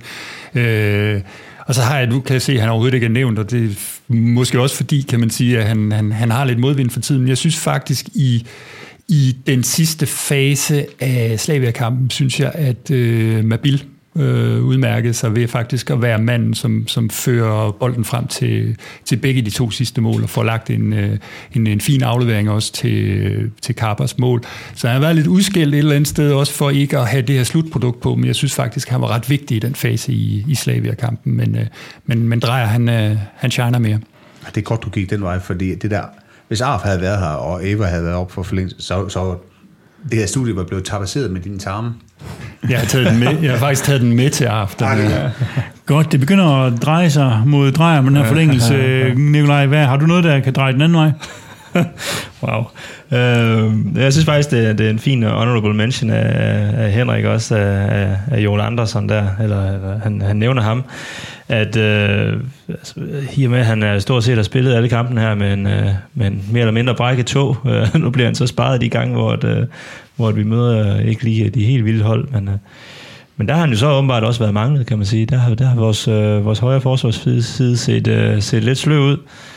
Øh, Drejer kan jeg sagtens se. Altså, han har været outstanding. Øh, men for at der ikke skal gå drejer show i det hele, og drejer trøjer og, og alt, hvad der kan, den kan drejes over på, så, øh, så, tager, så går min forlængelse faktisk til, til Scholz. For jeg synes, han har været ualmindelig vigtig i den her periode. Øh, afgør det for os, øh, da det virkelig brænder på. Står to minutter og glor på, på en Ser du Scholz? Ja. Jeg, jeg, jeg går med dig. Ja, står med en, står med en 4-5 øh, modspiller, der står, hvad var det, han sagde, øh, siger alle mulige sjov til ham på sprog, han ikke forstår. Øh, og han står egentlig bare og synes, at øh, det er da meget hyggeligt. Og, og sparker os i, i Champions League. Øh, og noget af det, der virkelig har bragt os i Champions League, er jo vores defensiv. Altså, vi går så langt og lukker et mål ind. Det er jo, det er jo vanvittigt. Så for mig så går det til, til Scholz. Han sagde jo også, han, han fik jo tre minutter til, til at stå og vente på, at han skulle sparke, så han, det var dejligt, fordi så kunne han nyde øjeblikket. Ja, det er iskoldt. Ja. Han er crazy. Så to gange drejer og øh, en gang Scholz. Det er jo øh, tæt løb. Skal, skal endnu, en, endnu en gang gå ind og ligesom at overrule sådan og lægge to stemmer og sig selv bestemme. Det, det, er, jo min, det er jo min yndlingsposition, vil jeg godt, øh, godt indrømme. Øh, men, øh, men jeg synes faktisk også, øh, jeg er helt med på, hvad du siger, øh, Nikolaj, i forhold til, til, til Scholz. Han er, det er jo måske klubbens vigtigste spark, han, øh, han tog der. Øh, men jeg synes også, øh, at, at Drejer har været afstanding. Altså, han, han, altså, Det har været de to, der har været nøglerne i den periode, vi har været igennem. Offensivt og defensivt. Ja. Altså. så, så, så jeg, jeg vil godt øh, dreje den tilbage mod, øh, mod Anders, og så sige, at det, øh, Du får den på grund af dit ordspil, det er okay. at øh, ugens forlængelse, den øh, går til Anders Drejer, og øh, papirarbejdet, det overlader vi som sædvanligt til Steinlein. So you have to sign here. Now we start. We are waiting a long time. Lige nu går Superligaen på landskampspause, men på den anden side af den, der venter der et opgør mod de stribede fra Fyn, når OB kommer forbi MCH Arena. OB er jo ligesom også kommet lidt blandet fra start i Superligaen, hvor de ellers lagde fint ud med en øh, flot sejr over FCK, men efterfølgende er det blevet til en uafgjort med F. Nordsland og nederlag til AGF og oprykkerne fra Vejle. Har du set nok af OB's kampe i den her sæson til at kunne øh, vurdere deres aktuelle øh, niveau, Nikolaj? Altså, jeg vil ikke kalde mig til en øh, fynsk, øh, fynsk ekspert. Øh, det må OB stemmer og så videre øh, gerne tage den ære. Men øh, det, jeg har set af OB, der synes jeg faktisk, at det, er, det ligner et hold på vej frem, øh, der, der begynder at finde, finde lidt spil. Øh, og, og har fået nogle typer op foran i, i Sabi, øh, der, har, der pynter rigtig meget på dem. Øh, de er bare øh, som gør det rigtig godt, øh, når han ikke får sendt sig selv tidligt i bad. Øh, og selvfølgelig en frøkær, som, som også har blomstret gevaldigt. Øh, og øh, ja, og så får de jo så øh, øh, gode Okusun på holdet nu her også, som kan give dem lidt tyngde på midten. Så, så, så på den måde, så har de egentlig startet godt nok ud, og har måske ikke helt fået det, de har fortjent heller øh, i de første kampe. Så, så et udmærket hold, som vi ikke skal, skal tænke som en, øh, en walkover. Det bliver ikke en, øh, en, en, en OB, OB Silkeborg-version, vi, vi kommer til at møde. Det tror jeg ikke på. Ja, de lå jo faktisk i, øh, sådan på XG, lå de som det bedste hold i ligaen, øh, eller expected points her før øh, rundens kampe her, hvor de jo så spillede undertal øh, i, øh, i stort set det hele. Ikke? Og noget markant har været, at de jo alle fire kampe, der har været, faktisk har haft en start, samme start 11, så, så øh, Mikkelsen har ligesom fundet sin, øh, øh, sin foretrukne og har og haft forstyr på, på, på skaderne og sådan noget. Ja. Men, men det er jo et hold, der, der gerne vil i top 6, øh, Lars, som har en, en, øh, et håb om at komme det igen, efter de var det for et par sæsoner siden. Øh, tror du, det er, er realistisk? Er det, er det et top 6 hold? Jeg tror, der er mange top 6 hold i, i den liga. Altså, der, er- der er sådan et, et forholdsvis bredt midterfelt, kan man sige, hvor det ser ud som om, at øh, vi har et til to hold sådan hver det eneste år, som ligesom som rammer den der kontinuitet, som, som skal til. Øh, og jeg tænker da også, altså på baggrund af det, de har præsteret øh, i, i starten af sæsonen her, det ser da bestemt lovende ud, og, og jeg synes jo også for, for, for, OB, øh, fra OB's øh, perspektiv, at det var, det var meget lovende det her med, at de ligesom var tvunget til at, at bringe de unge ind i slutningen af sidste sæson. Altså, der er jo virkelig nogen, der har bidt sig fast et eller andet sted, og det er jo, det er jo øh, super charmerende og, og super spændende. Øh, jeg tænker også, at det er en klub, nu hørte jeg Stemmer for Odalens interview med, med, med Michael Hemmingsen der, og han, han er da en mand af den gamle skole, hvis nogen er et eller andet sted. Jeg kunne godt sådan på det lidt længere perspektiv, top 6 perspektiv, godt frygte lidt, hvad en mand som ham kunne finde på at, at gøre, hvis pointene ikke snart begynder at komme, om, om der går noget gammeldags panik i den, eller hvad der gør et eller andet sted, fordi OB har, har brug for øh, den her kontinuitet, som, som øh, de her 11 øh, samme starter i, i, i hver startopstilling øh, øh, allerede er en indikator på, at det, at det er den vej, de arbejder. Så, øh, så hvis de kan holde ro på, så, så tror jeg bestemt på dem. Du var ligesom i gang med at nævne nogle af deres øh, profiler, Nikolaj. Øh, hvem er det, vi skal, vi skal holde øje på med hos, øh, hos OB? Altså nu behøver vi heldigvis ikke holde øje med Djibali, som øh, for alvor har, har hævet sit niveau til den her sæson. Øh, han fik jo rødt øh, senest, øh, men øh, en, øh, der, han, han har haft nogle bataljer en gang imellem, og nu rører han ud på endnu en her, så det er jo, det er jo heldigt nok for os. Øh, men ellers nogle af deres, de, de har sådan en meget løbestærk offensiv med en Frøkær og en Sabi, som øh, løber solen sort, og, øh, og så har de nogle, nogle, nogle spillere bagved, som også kommer i nogle, nogle, nogle hurtige rates, og ellers så har de jo også en relativt stærk øh, de, defensiv i forhold til, særligt omkring øh, Tverskov dernede, som nu må vi se om øh, Pfeiffer, han, øh, han ender med at, at få nogle minutter og kan rave endnu højere op, end Tverskov gør, men øh, det kunne være rigtig fint. Må jeg komme med et lille indspark til den der startopstilling? Altså, jeg synes jo, at de er... Det, det, det er jo ikke de store profiler, de har. Det er ikke sådan, at de har nogle deciderede stjerner, men, men i forsvaret og på midtbanen er det, er det dygtige Superliga-spillere med et højt øh, bundniveau. Og så synes jeg måske, at de der tre offensive er spændende spillere, øh, måske allermest Mads Fryg her, men også lidt, øh, lidt humørspillere. Ikke? Altså, det er ikke sådan nogen, man kan sige, der, der præsterer hver evig eneste gang. Nej, det, det er nogen, vi, vi forhåbentlig kan stikke lidt. Øh, men udfordringen er bare, at hvis ikke vi får fundet lidt stabilitet, så er det også nogle spillere, som lige pludselig kan synes, at kampen er rigtig, rigtig sjov. Ja, helt klart. Og så begynder de altså at shine, og det skal de helst ikke få lov til. Ja, og vi har en, en Sabi, jo, som jeg i hvert fald personligt synes var, er en spændende spiller, ikke? og som, som vi jo ved, i forhold til, hvis, hvis det bliver sådan en, en kontra, baseret spillestil fra deres side af, så vil han kunne stikke afsted i med en lynende fart, ikke? Og, og kan skabe et eller andet på, på egen hånd, ikke? og det er jo noget af det, vi skal, øh, vi skal være opmærksom på, ikke? Altså, øh, i forhold til det, fordi man kan sige, at sidst de var på, øh, spillede mod os på, i Herning, ikke? Det var den her, der vandt de 1-0 på, hvor Bastian Katling sparkede ind den eneste gang, de var over midten nærmest, ikke? Og ellers stod de bare og parkerede bussen, og jeg tror, vi havde altså den største XG-difference nærmest hele sæsonen der, ikke? Altså alligevel kunne vi ikke få scoret, altså Bolmardo skød over fra en halv meter og sådan noget, ikke? Så, så selvom vi sådan set generelt har haft et godt tag på dem, ikke? Vi har vundet 8 de sidste 10 kampe, ikke? Øh, så kunne man godt forestille sig, at det bliver sådan en, de kommer ikke skal noget klinket mod os, og de ved godt, at, øh, at det mere presset er på os. Men, men de er jo en af de her altså midterhold i ligaen, som vi skal vinde over på hjemmebane, Peter? Jamen, jeg tror, den der indstilling, som du siger med, at de kommer nærmest og parkerer bussen, er noget, vi vil komme til at møde oftere, end vi har gjort længe. Og det er jo ligesom om, at vi har svært ved at finde nøglerne til at få låst den bus op. Øh, og der, det er jo der, hvor man kan håbe på, at FIFA er det der fyrtårn, vi kan, vi kan bruge til noget inden, inden for en mål. Og det, ja, der er ikke for, meget, for mig så meget tvivl om, at det, at det er det, de vil gøre igen. Altså, de, de vil komme igen og stå lavt og, og køre omstillinger på os, med de der relativt hurtige folk, de har. Om det så er et hold, vi skal kan vinde over, jamen jeg synes jo i princippet, at vi skal kan vinde over dem alle sammen, og helst hver gang. Øh, det gør vi bare ikke.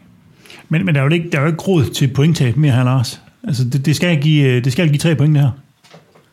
Ja, ja men det, det skal det. Øh, det og, og det tror jeg, der, tror jeg der også, det kommer til, men det kan også godt være, at det kommer til at, at holde vældig hårdt. Øh, jeg tror, øh, jeg tror ligesom Peter, at øh, de gentager succesen fra, fra sidste år, fordi det er jo bare en af vores helt åbenlyse svagheder, det er det her med, at vi har bare ikke den løsning til at lukke de her, sådan, de her forsvarer Nej, fordi altså, man kan sige, at en pione skulle være en af altså, mulighederne, ikke? Og, og, og så sammen Pfeiffer, han er stærk i hovedspillet, han kan hætte jamen, så er det jo en anden mulighed ved at lave indlæg. Ikke? Hvis ikke man kan lave småspil med Bione og sætte mand, jamen, så kan man lægge nogle indlæg ind og få dem ind. Øh, så, så, så, tror du, det er sådan, vi vil gribe øh, kampen an, Nikolaj?